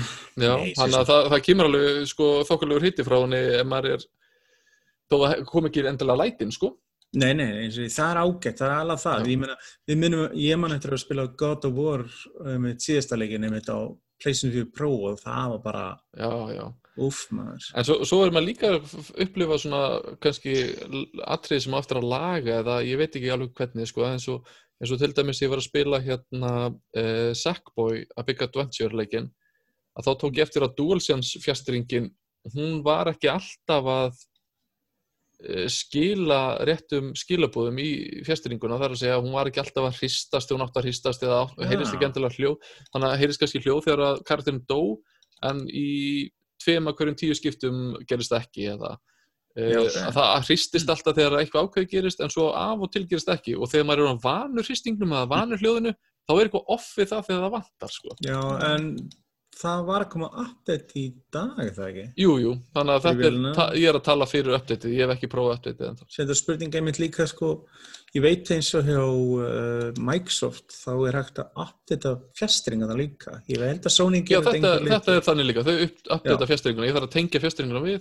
Já, og það er ekki að rístarta tölvun heldur, þetta er bara hver, fyrir hver, fjastringuna. hver hefur trúið þessu fyrir sín tíma þegar maður Update Super Mario Bros eða Ponga eitthvað allt í Já. Það Ég verði satt að segja, ég elska þessa fjastringu. En svo ég skjóti einu að hérna í viðbót sem að svona, er einmitt svona annað sem ég hef svona býtu, ha, what, really? Að það var að ég var að taka upp gameplay-vídeó í hæstu gæðum á Mm. PlayStation 5 sem að er í, hvað heitir það? Uh, WebM sem þetta er að velja upp að taka upp í MP4 sem er mest compatible sem að svona flest fóru taka Já, við mann Ég- vanlega gerir það. Já, eða WebM sem er uh, most efficient. Uh, og það, það er, það, þú verður að taka upp í WebM eða þú ætlar að uh, taka upp í, í eins góðu gæðum og hægt er. Hefur Og búið saman stærð á vídeoðum? Já, ég tók, ég er satt með nýju býtu, ég var nefnilega bara að skoða þetta hérna rétt á hann býtu, þá er ég með það er nefnilega komið svolítið óvart þegar ég var að setja þetta USB-kupin uh, ég er með nýju mínúna vídeo sem er 3,2 gigabyte Mm. og það tók mig cirka 50 mínútur að koma því á USB-kup What? ég, ég, sami USB-kupur og ég er búin að nota til að setja myndir og fleiri vídeo og alls konar en þegar ég var að setja þetta vídeo þá var ég bara að býtu er, er eitthvað USB-kupnum mínum eða Já, er já. tölvan eitthvað hérna Bortið eitthvað leiðilegt? Já. Eða, þú veist, já. ég, einmitt, ég veit ekki, Eh, ég var bara að gera þetta fyrir, stuttu fyrir þáttinn og ég hef ekki náða að kanna þetta betur en þetta svona kom mér á óvart með, það hlýtur að vera eitthvað sem verður lagað eða eitthvað, Já. ég veit ekki Það er mjög ég, óvinnu langur tími. ég meina 10 megabyte, eða 10, fyrir ekki, 10 mínúna myndbæð sem ég tök upp fyrir Assassin's 3 var að vídeoið.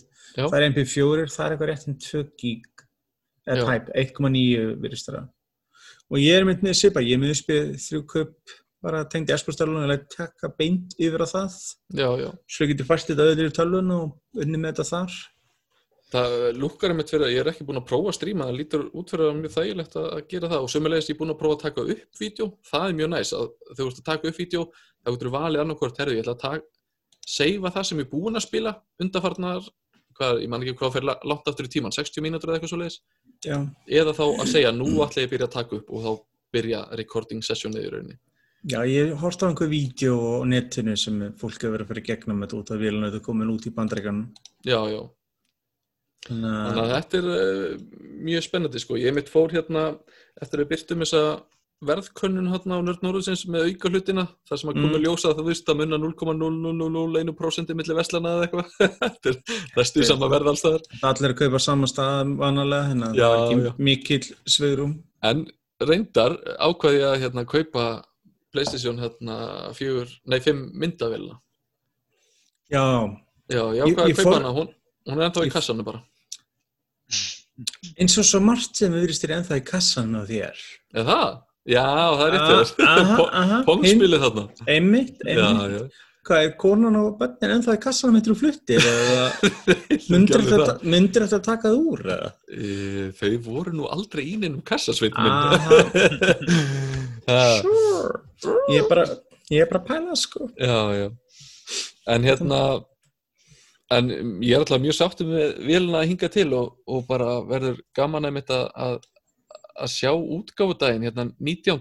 einmitt Fimmtudaginn. og Elko búin að senda posta út og Já, en vélarnar eru, uh, svo hefur maður heyrt orðan að þetta er komið, þyrfti Já, þetta að komið, auglustlega er þetta komið til landsins, en annars ertu ekki bara að anvenda vélar á 50 daginn, sko.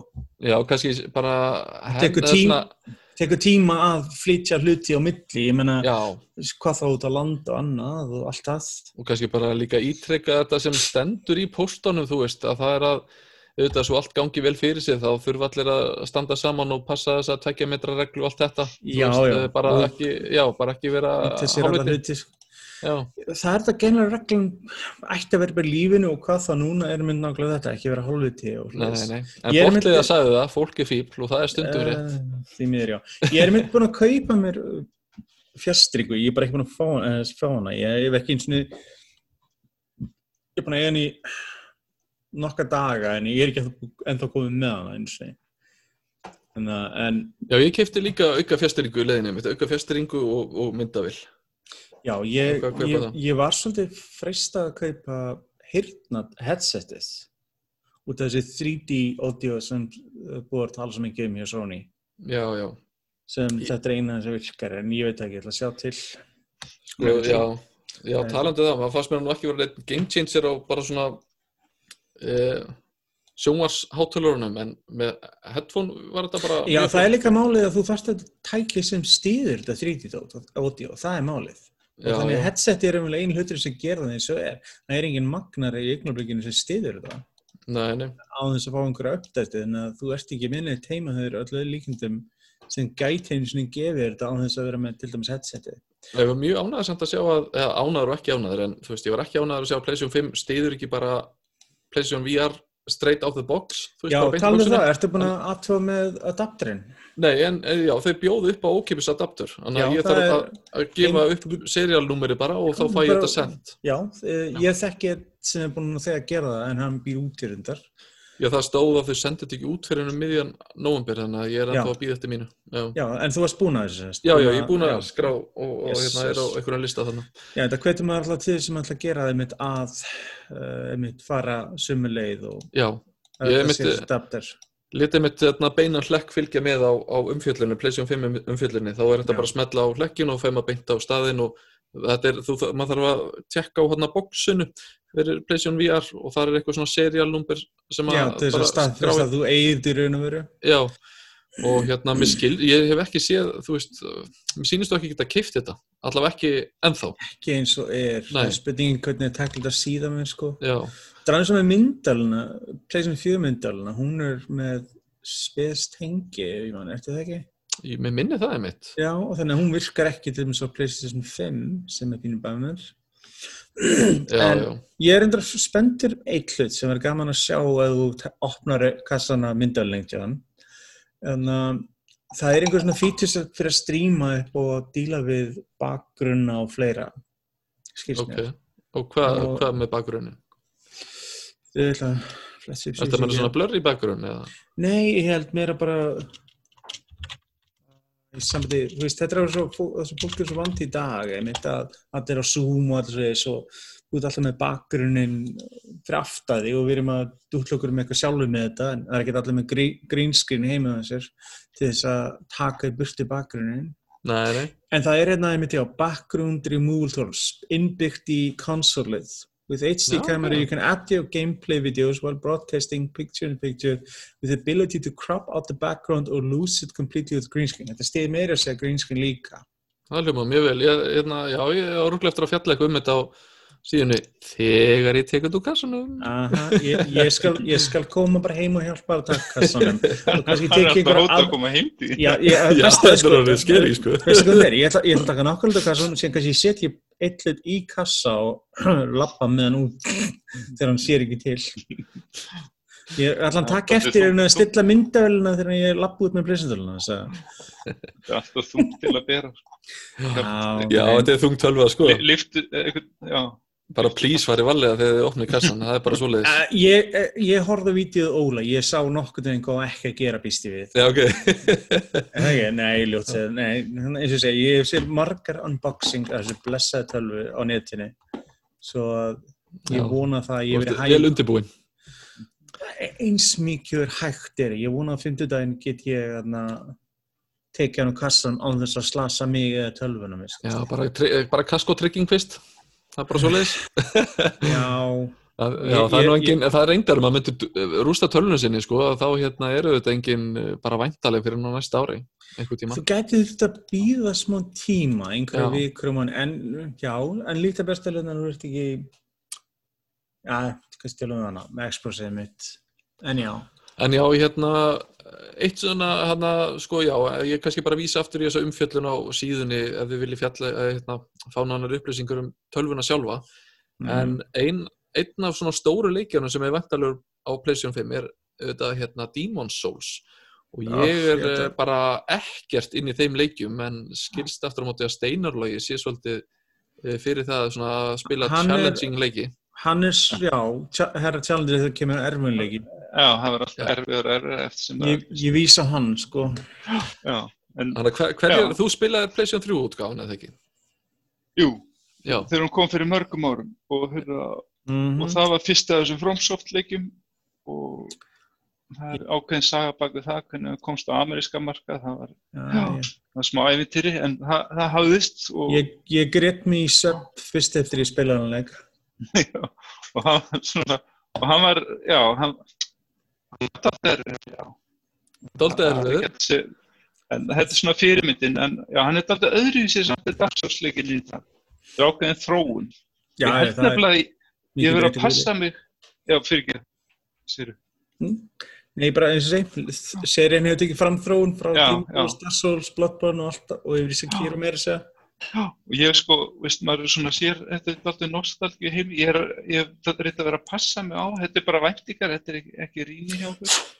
Uh, við erum ekki búin að spila hann, Nei, ég hef að að passa mig, já, erum, ég hef verið að passa mig á að horfa ekki ómikið á hann og þá rifjast Ah. allt upp fyrir mér. Já, Ég er að reyna, veist, bara að þetta rifjast upp fyrir mér í leiknum sjálfum. En, sko. en hald, haldið að þú veist að að þetta verði bara svona alveg fyllt formúlinni eða haldið að verði einhverju breytt Og þeir tala um að í stóru leiti... en passa að spóila ekki verið steinalógi hann er þetta alveg að forðast trailer og allt Sko, ég man ekki eftir að Steinalói hefði séð forritun á kóða þegar hann spilaði Demon's Souls upprænlega svo ég held ég geti talað um þetta.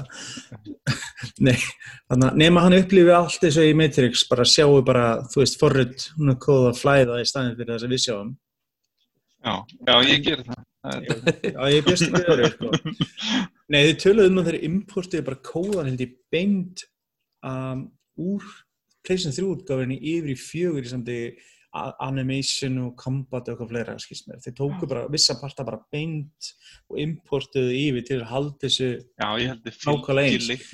En þeir eru svona- sko. En þeir stóri hlut eins og þessi endurgerð og það er bara allt miklu fallegra og betur Já. bætt svoleiðis, en það er einhverju nýju hlutur en ekki mikið. það verður ekki super easy mót fyrir mig Tókað, nei. Ég, þá myndi leikur nú missa allar sjarman eða ekki? Sem Jú, sagt jú. interface er bara- þeir eru búin að fínpúsa rosalega mikið. Ég meina, er graf, grafiklega séð ég svo segi, grafíklega séð finnst mér þetta flottast í PlayStation 5 leikurinn eins og er. Og þetta er leikur sem nýtur þessi góðs að hann er bara kom PlayStation 5 já, hann hann er er bara þar, já. Já, svo hann þarf ekki að pæla í hvernig PlayStation 4 er eða eða neitt, Já. hann bara getur hugsað bara um þetta. Já, það verður einmitt hérna áhugavert að sjá hvernig hann áttur að koma út Mér uh, langar að sjá hvort ég kemst lengra en síðast sem var ekki land. Ég, komst, ég fór á fyrsta kallinn, hann barði mig í spað. Ég var... ég mitt hefur bara forðast þess að leikja því ég er svo hrættur við það bara svo er þess að mat, fljúandi mattarið sem Oh, skjóta mann Ég, ég komst, ok, þú veist hvað er með, ég komst að kastalinn sem þú verður fyrst á og vart að opna hurðina. já, Ég komst ekki um það og draf þann gaur, ég hef ekki farið mikið lengra. Það var bara á síðasta ári eitthvað sem ég fór tilbaka og pröfaði þetta. það er eitt svona fangilserja það er alveg svíns, ég er ennþá að fá marstræðir frá því. Það kost, kosturinn við þetta er að ég hef vel veist, spilað neitt af þessu. þið Ég komst talið ekkert mitt svona. talið mitt svona, ó ég komst ekki lengra. Ó ég fæ martraði og svo bara báðum hei spilum aftur. Við erum ekki að Sko, fyrst þegar ég upplýði þessa leiki þá fannst mér þeir alveg einstaklega erfiðir og þeir eru ennþá bull erfiðir og mér fannst þeir oft ósangjarnir og stundum bara viðistíkilega satískir en ég segi sko, þú þarft stundum að fá einhvern svona leik til að komast inn fyrir og fyrir, fyrir mig og marga var Bloodborne leiðin inn fyrir dittnars já, ég hef hýrst það. hann sko var svona, ef þú náður að detti inn í Bloodborne, þá áttir það Já. skyndilega sjensa, sko, sko ég Já. átti mjög brengla upprinn, ég pröfaði fyrsta Demon's Souls, datta á hann strax pröfaði fyrsta hann strax og sé bara neita, ég nefnir ekki svo rugli lengur. Og mér félag mín bara elska þetta veginn allt saman og bara gati ekki hann að dásama síðan spilaði ég Bloodborne og lendur sipað saman múrvegg með þarna klergbíst á brunni en síðan náði ég því komst áfram. Síðan allt henni var ég búið með hann og síðan fór ég að spila Souls 3 2 og 1 þau skildir að ég er búið með alla þessi leiki nema Demon's Souls en aftur um til Sekiro annað hann pakkið eins að það er viðstiklega erfið leikur og hann er bara held ég fyrir já, Jafnvel sko- jafnvel harðir sólspilur að tala um að þessi le- sá leikur sér og örfiður. Já. Jafnvel, þú veist, það, hann var held ég erfiður bara til þess að erfiður held ég. Hérna, Þess, ég náði að klára hann en það tók mér allt og langan tíma ég komst af maður fram, þarf að læra hann svo vel síðasta part ég hef aldrei verið góður í þessu parrydót, ég verða held ég aldrei. Ég komst yfir nautið og ég hef aldrei komist leng farið neitt lengra. Ég, eða hvort ég stoppaði nautinu, ég man það ekki. En já, Já. þess vegna skakkurinn Steinarsleiki eins ekki eins annars myndi ég öskra og gráta á sama tíma og engi vil sjá að heyra það. Já, og ég, var, ég er að hérna, eins og ég sagði Bjarka fyrir podcasti, ég er að koma næstu kynslu inn á þessa leiki. Já, Strákurinn minn sem er já. 14 ára, hann er alveg þú og, Rústa þetta Dark Souls þú, 3. og- og vinnu minn eru í nákvæmlega saman pakka þeir eru líka sama kyns, sama aldrei allt saman og hann er mynd gera þetta sama við sinni mitt líka Já, ég á ekki svon eins og er svo ég get ekki sagt það sama og, og dótti mín myndur neitt að tala um mig ef ég er enda tróðið þessu upp á hana sko. þó hún- sé úr 19 ára þá sammeldi hún myndi segja eitthvað við gala mannin en, En ég, en ég, það, maður myndir nú halda samt að krakkar sem að hérna, spila hana, þessa leiki svona þjálfist þessi eitthvað svona ægi og, og hérna, hvað maður að segja, þólinmæði eða svona ekki gefast upp stemning. Ég held að sko vandamáli við þessa leiki ástæðan margir dettaðin, ef ég má svara þessu, er vegna þess að hann, sko við erum vanir ákveðnum tegundarleikjum, sko að, ég ætla ekki að segja þeir haldi hendina en þeir gefa ákveðnum vísbendingar og hlutis, en síðan þetta er meira svona stundum svo gamleiki sem gáður ekki neina vísbendingu, þú varst heil lengir en áttaði bara hvernig kemist út úr fyrst á herbygginu kannski í leiknum vegna svo vissir ekki hvað þú ættir að gera, svo dreykja Já, þetta, þetta, já. þetta, þetta og allt einu þá kannski gerst þetta. ég stærstu mm. vísbendingar út um allt sem Já, en- en- eftir og ég hef stundum tekið það af þegar ég byrja á svona leik.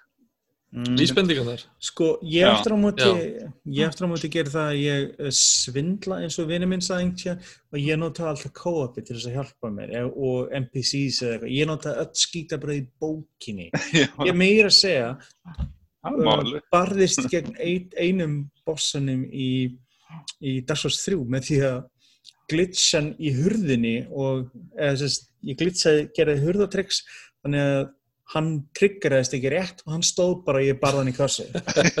Já, ég, og ég, ég held að, ég held að víni minn myndur bara fá flók þegar ég sá hann. Þú veist, hann bara, svo ég veit ekki hvað ég hef gert skilur. Það minnir mig á, já ég tísaðist bósana í hennar Demon's Souls upplöfna, það var hægt og að ég tísa þá. Já, ég sagði bara við hann, ég beiti öllum bröðum í bókinni en hvort viltu ég klár, klári leikin eða ekki Já, Það er væntingarnar eru alveg, alveg mikla fyrir þessum leik allavega, hjá er- sem en- hópi sem að spila svona leiki allavega. En me- með við love-hate samband mitt að þessar seríu þá finnst mér fyndið að þetta er leikur sem ég er mest spenntastur fyrir að spila Playstation 5.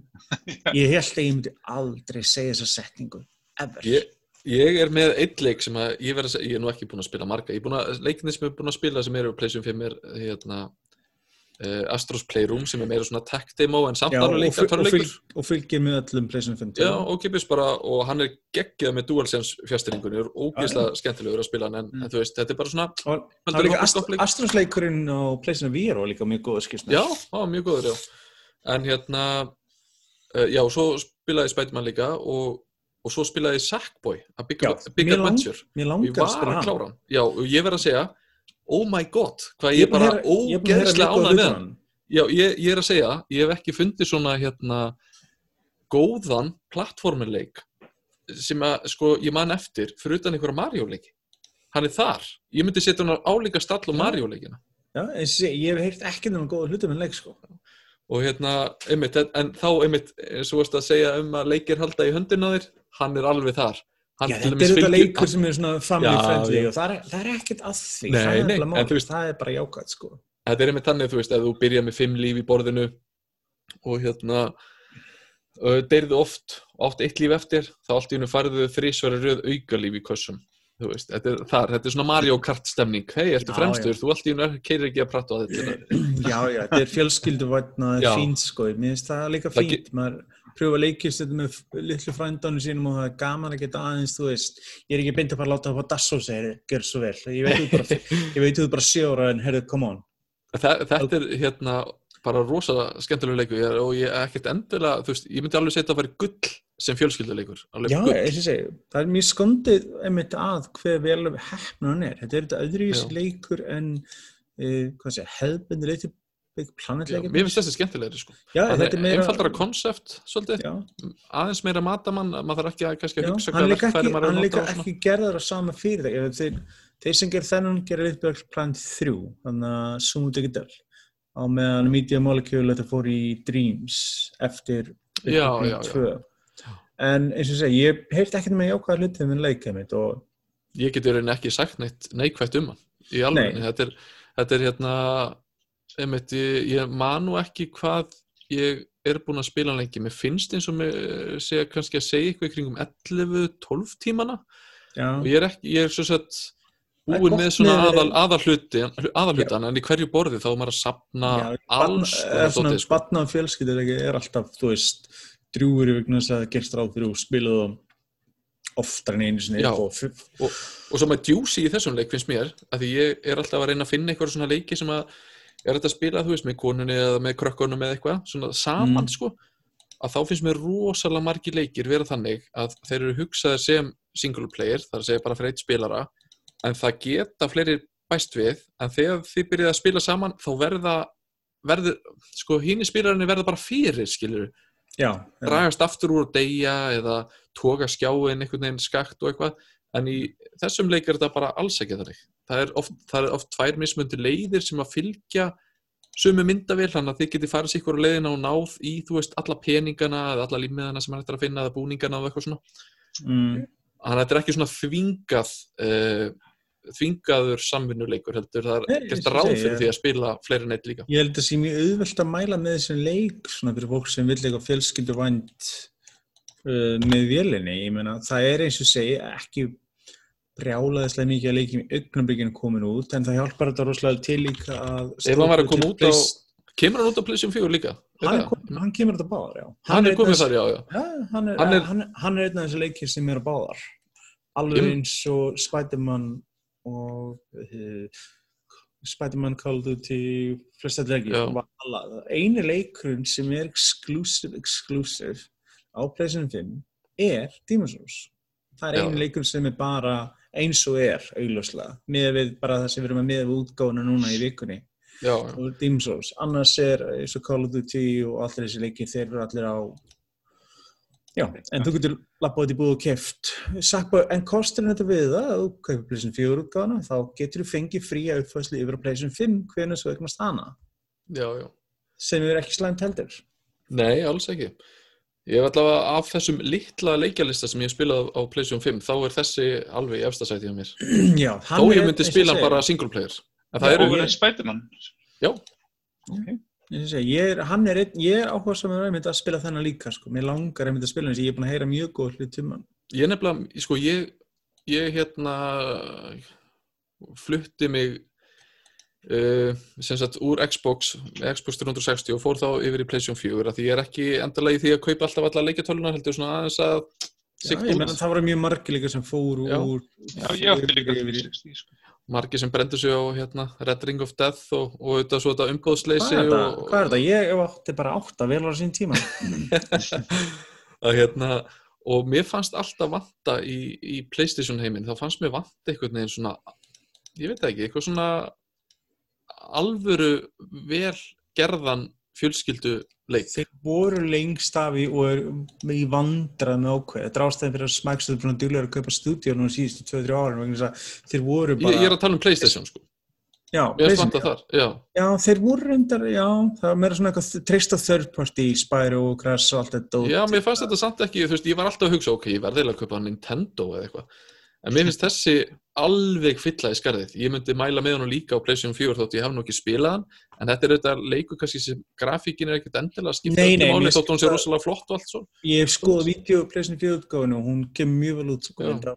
Tónlistin geggjuð, endakallanir þú veist, þægilega auðveldir og svona, en, Mm. en það er alveg challenge í leiknum líka, það eru hérna alls konar borð sem er alveg frekar erfið og að ná allir hlutunum og stundum er svona tíma eh, hérna, kapplöfu tíman og, og það er alveg hægt að finna eitthvað svona challenge fyrir fullotnum pappana eða mömmuna sem að vilja hérna, þú veist, aðeins uh, fá smá svona uh, já, erfiðari leik. Já, ég er mynd, ég veit ekki hverju, ég horfði eitthvað vídeo á leiknum og það myndi mig einhver óunun munið eftir leik á PlayStation 3 sem hétt Puppeteer. Já, rámar eitthvað í við þetta. platinum að hann eða Mér langar, ég svona vildi óska eitthvað. Já, Nei. jú, Ég- Já, Það er eitthvað sem ég vildi óska og þess að skæri Já, ég vildi óska þess að Sony hefði gefið hann út á PlayStation 4 líka. Eða gert hann einhvern aðgengilega en svekkjandi hann er bara til PlayStation 3 og er en, en, engilega að spila einstar annstar nefnum að vera að spila á PlayStation Now eða eitthvað. En ég er bara allir að hugsa til þetta cool leikur sko. Er svona leikur sem fóð framhjóður mörgum sem Já, mér finnst þið mitt á PlayStation þá og ég er yfirleitt auðveldar að finna svona AAA leiki eins og Spider-Man mjög Demon Souls sem mitt og eitthvað Battlefield og svona en það er oft erfiðar að finnst mér að finna eitthvað svona ég vil eiginlega bara segja Nintendo leiki Já, já, ég, Nintendo áttina. ákveðin sérfræðingar að búa til vissa tegundur af leikjum. Já, og mér finnst þessi alveg ná að fylla uh, í það skarð bara og gera það mjög vel Já, Bara- eins og segi, bara ég eins og segi, þetta er einn af þessum, þe- Sony með það, þeir eru með nokk, ekki marga leiki en þeir eru með nokkra vel hefnaða titla sem er fínir fyrir fólk sem er að peka upp vélina. Já, ég er alltaf mjög það- sátt um þetta Það læna er svo margt nefnilega ekki ennþá komi, ég meina, síðan, þegar eftir að talvan er komin út, þá halda auglustlega áfram að koma leikir eða uppfæslur og fleira. mm -hmm. til þess FIFA er að fá PlayStation 5 útgáfu núna í byrjun desember ef maður rétt Mm að fótboltahauðsönda geta haldið áfram að þú veist ég er þetta mjög spenntur, það er eitt hlut sem ég er spenntur að testa, mér vantar bara þetta með viðandi leik og það er þetta 120 frames per second dot. Og eini leikurinn sem ég veit um í fljótu bragði já, hann er enda eitt leik sem ég testað. Það er Borderlands 3 hann var að fá upp update á PlayStation 5 sem leifur um að spila upp í 120 frames per sec Já, er, er þá upplausnin verri eða hvað? Ég býstu að þeir fórna upplýsin eitthvað en á móti kemur, ég veit þegar það var að bæta alls konar grafíkli viti, þau getur þetta bara raunverulega kirtan eins og hann gerir á upplýsin fjör bara Harry Fermet, miklu kraft fyrir vélbuna og síðan eru örugglega stilling sem er bara með alls konar effekta og dótari skilur í hérna, himni, en eins og þeir eru að lofa á upplýsin 5 4K60 sko, bara default að það sé í bóði Mm en Dirt 5, hann er einmitt 120 Já, hann er 120 en hann lækkar niður í 1080 í upplausn. Já, en Já. Þetta er sko, þetta er sama með 120 þessum fólk þarf að hafa í huga. Bæði þetta og raytracing er það er alltaf fórnir á móti. Ef þú vilt meiri framerate þá er að fórna einhverju grafík. Ef þú vilt raytracing þá þarf það að fórna upplausn eða einhverju öðru, það er alltaf þannig þú getur ekki fengið bæði þess að þú þarf svo gríðalega krafni að þá ertu pleysun talvan eða Xbox talvan í að vera tvisum stærri eða hvað skilur Já, ne, þetta Og til- maður fyrir þetta að hugsa sko, ætli það skipti ekki líka þá máli hvernig sjónvarp þú ert með eins og ég, hérna, Já, já. ég er með 65 tómu mm -hmm. og ég svona, já, þegar maður þú veist, er að detta í verri upplaust maður sér það alveg svolítið ábyrrandi Já, í stóru sjónvarpi, sko. þegar þú ert komin í þessa stærð og yfir Já, þá byrjar að sjá okkurna hluti sem 55 og hvað þá ennþá minni tækir geta auðvitað falið.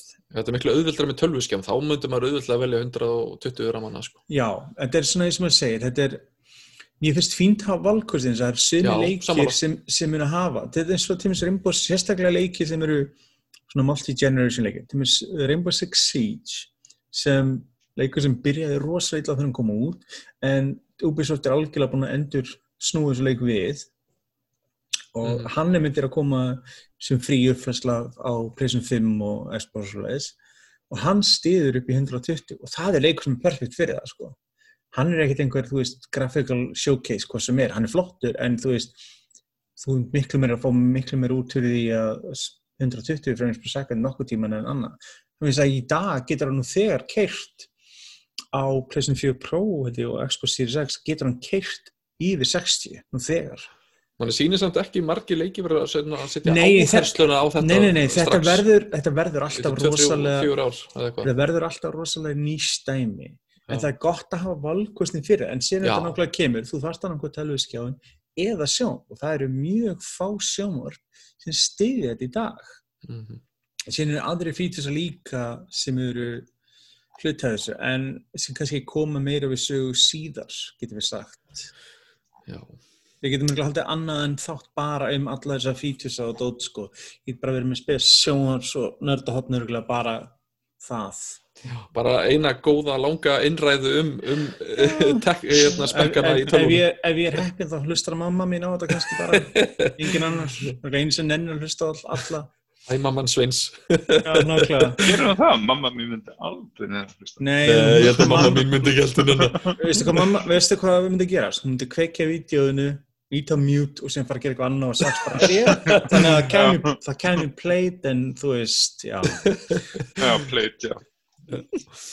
En já, eins og segi, það verður svona gaman að það verður En- íminnslegt að fykta í og pröfa á næstunni, getur við sagt. Já, mér skilst að Sekiro hérna, sé betri á Já, PlayStation. þeir voru þetta uppfæran bara fyrir stuttir síðan en í Game of Year útgáfu og eitthvað fleira og einmitt að bæta við. Eins og það, þeir segja loksins, sko, hann átti einmitt við vandræði, veit ég, töluðu margir um að freymyndi var ekki nóg gott. Hann átti til að hreinja og þegar leikurum væri praður og nákvæmur eins og sáleikur, Já. þá er að slæmur freymynd ekki gott mál.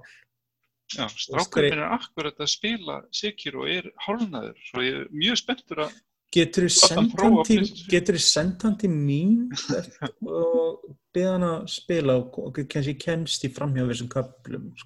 Já, hann, Nei, nei hann, bara seg, hvað hva kostar tíminn hjá honum? Nei, bara, það er fimm skall á tíman en hann, það er gott rísöld hjá hann. Bjarki fæði launa eitthvað, neði, aðeins að fjár, fjármagn okkar hluti eða? Jú, jú, ég sel gömlu PlayStation 4 leikina mína bara. Já, já, ég meina bara það sem er ekkert spennandi, pluss það fylgir svo margi með Já, það sko, er sem þetta, já, pluss áskrifendur fá sko rjóma bombu af leikjum Se- þarna sem bjóður bara hundruði klukkutíma að Það spila. ég öfundar mest í lið sem átti ekki PlayStation 4 Já. og allt í einu bara fyrir yfir þetta PlayStation 5 eftir bara. Já, og allt í einu bara stendur hérna God of War og allir þessi leikir og bara, Oh my "Ó, god. hvað er þetta? Er ég og skemmtilegt?" Sveinn erum búin að spila allt. Já, en þú veist, en það, pældi ég allt í eins og God of War leikir maður bara, sérstaklega, ég elska síðasta leik, mér finnst hann æðislegur og ég er mjög spenntur eftir uh, næsta leik. Og na, að spila hann aftur í fyrsta skipti, þetta er svona stundum eins og með bíómyndi eða tölvuleik eitthvað því langan stundum að geta fengið upplifun upplifun í fyrsta skipti aftur.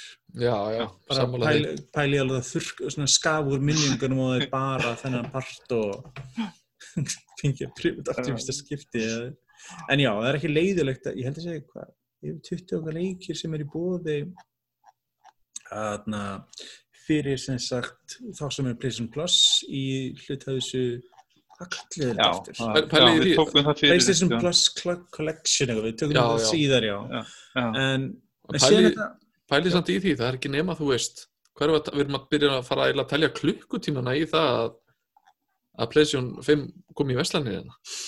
Þú veist, það er allir bara að fara að tengja þetta í tölvuna sína, nei, í sjónvarpið og, Það er í vest, ég, veistu hvað í vestlanir strax. neða, Vestlanir þannig að fara í beinti Vestlununar og Þetta er- þeirra sem forpöntuðu. Já, einmitt. sko, að þess að við erum með myndægulega rengstar út í heimi, út í bæ, sko, það er ekkert ólegt að þessi komið í vörús á einhverju stöðum, sko. Já, mér grunar að þú myndir banka upp bakvið. elka, já, mér grunar að þú myndir banka upp elka, myndir ekkert, þú myndir ekkert segja þér, en ég, sko, ég veðja við í pening að þetta Já. væri, þú veist, Já, þú veist bara, að, verður gaman að fylgjast með, þú veist, eins og Playstation samfélagin og Facebook og töluleiki samfélagin og allt þetta. að, það er alltaf svo mikið stemning þegar Já. ný talva kemur út þetta er, út, þetta er líka á egg- nokkur, þetta er skrítin reyndar þessi kynslu sem er að ljúka og þau fengum teknísið tvær tölur ekki þessi bara vanalega sem kemur vennilega og sem slim sem er, gerist alltaf sem er annar pakki en við fengum actually fjögur og pró sem þessi leikakynslu síðasta var skrítin fyrir marga sækir en það er alltaf mjög sérstakt. Ég meni ég man þegar PlayStation 2 kom út ég man þegar PlayStation 1 kom út ég man hvernig PlayStation 3 var þegar hún kom út. Ég stóð í BT skeifunum var að kynna GTA 5 nei 4 fyrir ekki þegar GTA, eh, PlayStation 3 kom út til dæmis Já, nei, þegar, það- nei fyrir ekki þegar sáleikur kom út ég ætti að stóð fyrir fram að skeifuna og kifti mér 3 þegar hún kom út Nú er það bara farið. Nei, nú er bónus þarna, já. já, Bónusbúð. það- það reynda brann í Brann, mikið já, og, og svo bónusbúð komið núna þarna. að mjög Lessu þessi minning labbarnum. uh, BT-músarinnar. Ha, já það var alveg fín verslun.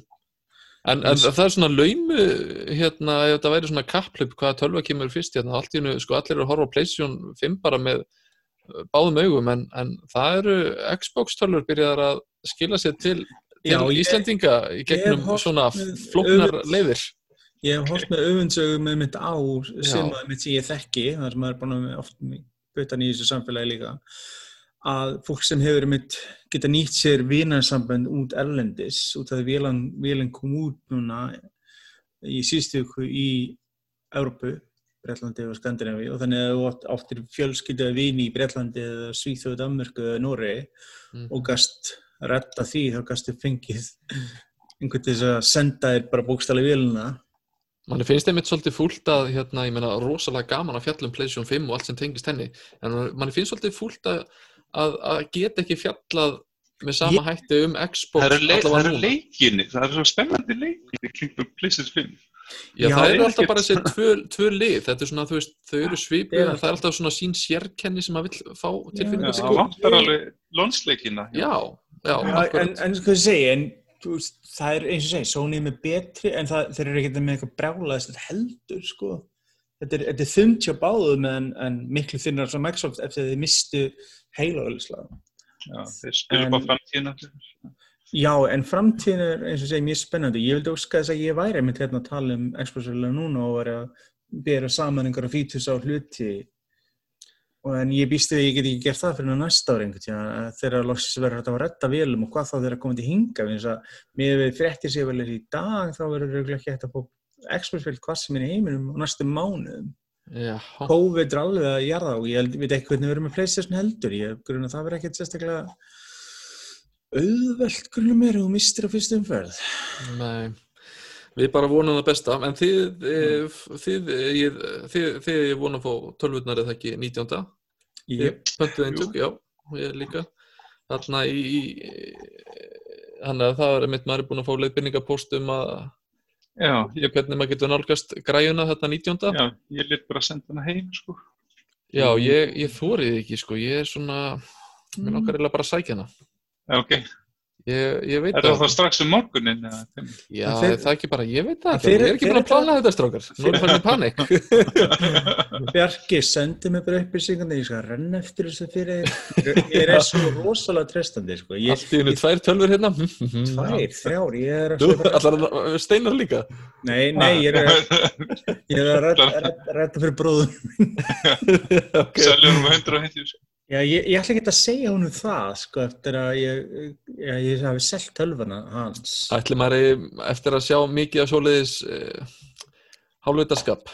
Fólk sem að kaupi sér nokkrar tölfur og selur þetta svo rétt fyrir jóla og... Sko, það sem hjálpar þessu ef maður á svo maður komast hérna á Íslandi er það eru miklu færri tölfur um en ég sá bara vídeo síðust í gær frá bandaríkjunum einhver með tíu PlayStation tölfur ég bara, og síðan- bara, með, maður langar stund bara, já, gera eitthvað ljótt sko, dislike, dislike takkin bara. bara, veist, og síðan er verið að selja þetta meina, maður sá strax bæði tölfur farnar á eBay og það bara verðin voru bara Ég bara, veistu það, ég myndi, ég menna, maður, þú veist, hver veit gerir það sem hann vil gera, sko, en, en eh, aldrei myndi ég ráðleggja á manneski Sko- að fara að kaupa þetta yfir þessu verði sem er sett hérna á sko, Íslandi. skarparar eru alltaf ógeð og mun alltaf gera eitthvað svona, en það sem kannski það Nei, yndist- Tölvan er líka, sko, þó þetta sé rosalega spennandi, þá eru þetta bara ennþá takmarka stöff í gangi að, uh, og maður er svona tapar ekkert eitthvað svakalega á því bara að býða nei, nei, bara ekki að býða kannski að halda. Ég held að kannski umræðan sem ég finnst rétt á sér, sérstaklega í bandaríkanum, er místökin sem voru gerð í sölunum og vélunum, að vestlunum og öðrum upp og að leifa þess að gerast. Það voru enga takmarkanir hvað fólk virtist hafa getað vestlað vélum eða hvernig það var gert. já. Þannig að það voru bara bottar sem hyrtu vélunar sem voru bara stiltur upp til að hyrða það. Þannig að það voru ekki nógu góðar varnir á þessu þannig að venda þannig að fólk hver og ekkert fengi vél þannig segjum við þeim fjóri alltaf að vera en, en segjum hann alltaf einu bara steinar sem pantaði fimm vélar og engin annan fekk sko. og síðan póstar hann bara mynda útgötaðin henni að sjáðu fimm kassana mína sko, Já, þetta fyrir að raða henni. Já, nákvæmlega. Spila borgir. Hvað sem ég meina og síðan býður hann okkur allt í einu tölunar og einhverjum, já, en það hann var með einhvern botta sem var tilbúin að kaupa allt strax sko. Já, En þannig að þeir þurfa að gera betur til að verður aftur hægt að kaupa vélar bæði PlayStation og Xbox, þá verður bæði fyrirtækin að standa sér betur í að hindra að þetta gerist. Þetta var einstaklega slæmt fyrst núna, skils mér. já. Svo- Þetta svo- heldur að vera mjög fyrirsjónlegt, sko. Já, og svo, svo, svo er líka svolítið erfitt fyrir hérna, þú veist, Íslendingar sem eru í Xbox pælingunum, þetta er bara svo mikið Það vesen að standa Það í eru, þessu. eins og ég segi, maður maður skilst að sé eru þreyfingar í gangi, þannig að það er eitthvað að gerast. Já, það er allavega En- svona mitt, hérna, veslanir ýmsa- sem að sögðu eh, kæmu mjög líklega Já, á næsta ég hef, ég hef heyrt orður ég meina sko, Elko segir sér sjálf, þeir hafa bara Elkjap, þeir þurfa ekki það mikið fyrir þessu. Nei. Þeir snúa sér bara beint af móðufyrirtækinu og fá hvað Já, sem það er vilja. Spurning samt geta, Held, heldur að þau bjóðu upp á tölvuta? Já, þeir hafa gert, þeir hafa búið upp alla verið að hinga til, en það verður alltaf í ótrúlega takmörkuð upplægi Já, ég hef nefnilega verið að, sko, að þegar maður kíkir svona af og til í Elko og bara, þú veist, maður leið hjá og er að vesla í krónunni eða eitthvað, mm. að maður hefur tekið eftir því svona hægt og rólega hefur bara Xbox horni verið bara, sko, ég veit ekki, er það ennþá þarna? Ég veit það ekki. Það er bara horfið eða eitthvað, ég veit það ekki. kassa, þetta hefur aldrei verið eitthvað frábært sko, aldrei verið Nei. eitthvað gott en þetta hefur ekkert skánað með tímanum heldur sko en Nei, mér finnst þetta einmitt hafa vestnað, ef, eit- ef eitthvað er. Það er alltaf mín upplifun á þessum, þessari, sko, einu verslun. Já. Eh, eins og Ég- bara strákanir í vinahóp hjá mér sko, þeir eru Mm. bara einni með, X- einni með Playstation þá bara kaupa allir fóreldrar með Playstation fyrir bara fullt það er í nágrunnu sko. Það er- hann er dreifist þetta sko, Já, já. hvað segir, hvað tekkið þú til Núri 4. janúar Sko- 2021 ég er bara leiðið við get gafna Sko, ég er núna, á- ég er ég Og er ég er sko sko- ekko í Núri á trámandi Xbox One leikir, erum með 20 titla. uh -huh. Þetta Ég er ekki mikið. það er bara eins og ég segi sko, þetta er, er margvíslegar vand ástæður fyrir öllu þessu en stæðsti hlutin er engin dreifingaræðli og það hefur alltaf verið vandamálið Á móti er er PlayStation 4, verslunin þeirra 282 titla. Berðu frekar saman Switch-leikina á trámandi? Já, það er samt öðruvísi Það úrval. Það er svona sa sambarlegt úrval af leikjum, svona fjölda leikja. Í, í, Þeir eru fleiri, held ég, sko pottet fleiri Switch-leikir en Xbox-leikir já, Íslandi er þetta líka bara PlayStation land. Hef, Já, hefur alltaf verið það, sko Já. seg, en ég held ekki bara vandamál það hefur ekki verið, þess að fólk gleymir síðast var dreifingaræðli ópifir dreifingaræðli fyrir Xbox Íslandi 2006 það eru 14, á- það eru 14 ár síðan það var Já, Þannig að það er svolítið langu tími fyrir engan umbóðsæðala já, og, og það er bara fyrir um, á, þessi, áhuga sumra starfsmanna, bæði sem er í BT og Elko og ekki einstinni, sem voru hrifnur Expo, sem voru að hafa áhrif á að þetta er flutt til landsins. Mm af þeim með aukun kostnað en samt. Við óskum eftir, uh, hvað, e- einhverjum nörd með ástríðu að fara að flytja þetta inn hérna. Sko, það er áhugi fyrir þessu og Já. voru það Já, kannski bara takmarkaðus, takmarkað magn. þetta er þetta smerri markaður en það er sem markaður fyrir þetta og ég meni ég myndi lappin búið á morgun ef þú segðu mér ég get Xbox-stælur sko. en Já, ég var alveg að báðum áttum með PlayStation 5 og Xbox og ég verð að Sko- segja að þú veist, mér finnst bara að því Sko, Xbox er einhvern veginn ekki búaði Já, sem valkostur, þá nenni ég ekki einu svona pæli í því, þá bara sko, fyrir venjulega manneskir segi alltaf veldu annarkost og veldu það sem hentar þér, hvernig leikju spilar hvað viniðinu spilar fleira. Það er bara vanlega brengla liðin sem ég hugsa sem vil eiga alla tölunar vegna þess að vil ekki missa neinu eða vilja fá alltaf besta sem er í bóði sikkur megin við línuna. En það er erfið að gera það eins og maður segir fyrir venlega mannskjum maður fyrir ekki að mæla með að kaupa tvær leikjutölur það er ekki heilbríkt sko, en nú er dýrt hvað, hvað Switch hefur búið hækki verðið sem maður sko. Jésus, Já, já, hvað, hvað kostar hún? Kostar 70 skall dag? já, þetta er mikil hækkun. En hérna, er þetta ekki bara komið gott hjá okkur í Jú, dag, jú, drengir? við- Þetta er búið að vera bara hörku umræður um PlayStation 5 og næstu kynnslóðuna og, og bara mjög Já. margar leiki sem við erum búin að vera hérna greinilega mjög duglegar að spila Já, við getum talað um fullt af playstation dót í næstu, næstu tölum. Já, ég er nokkuð vissum að næstu þáttu verið bara tilengaði PlayStation 5 Demet, ég ætla að tala um fútbolmönd 2021. og fútbolmanager 2020. Já, ég verður svona einn, það verður í lók þáttarins, allir aðrir hefur búin að lokka þessu út og þá stendi einn en það verður að tala um fútbolmöndir í hálftíma fyrir einhver tvo eða þrjá sem eru bara, ó já, hvað segir þið, breytingar þannig á. En já, ég er búin að dútla mér í betin aðeins inn á. Við Ég, komum- þetta, er, er að dreifa hugandi fimmtudags, ok? Ég Já. verð að að er býða eftir Playstation. Og fjöll, fjöllum nánar um þetta þá líka í næsta þætti en hérna við bara þökkum fyrir okkur og, uh, og hérna kveðjum og bara óskum ykkar óskum, óskum ykkar uh, skemmtilegar uh, spilunar í PlayStation 5 fyrir ykkur sem að náðu, náðu eintæki Já, hérna svona snembúna nörda jóla. Það er alltaf Já. sem jólinu sem. sammálaði Bjarki er búinn að halda jólinn svo hann er komin á nýja árunu byrjar að skjóta flugöldum eitthvað slaðis eða ekki og, og Herðu. fleiri jólatriðun engstar út eða eitthvað Herðu, takk fyrir okkur og heyrum Já. setna okay. Já. Bæjó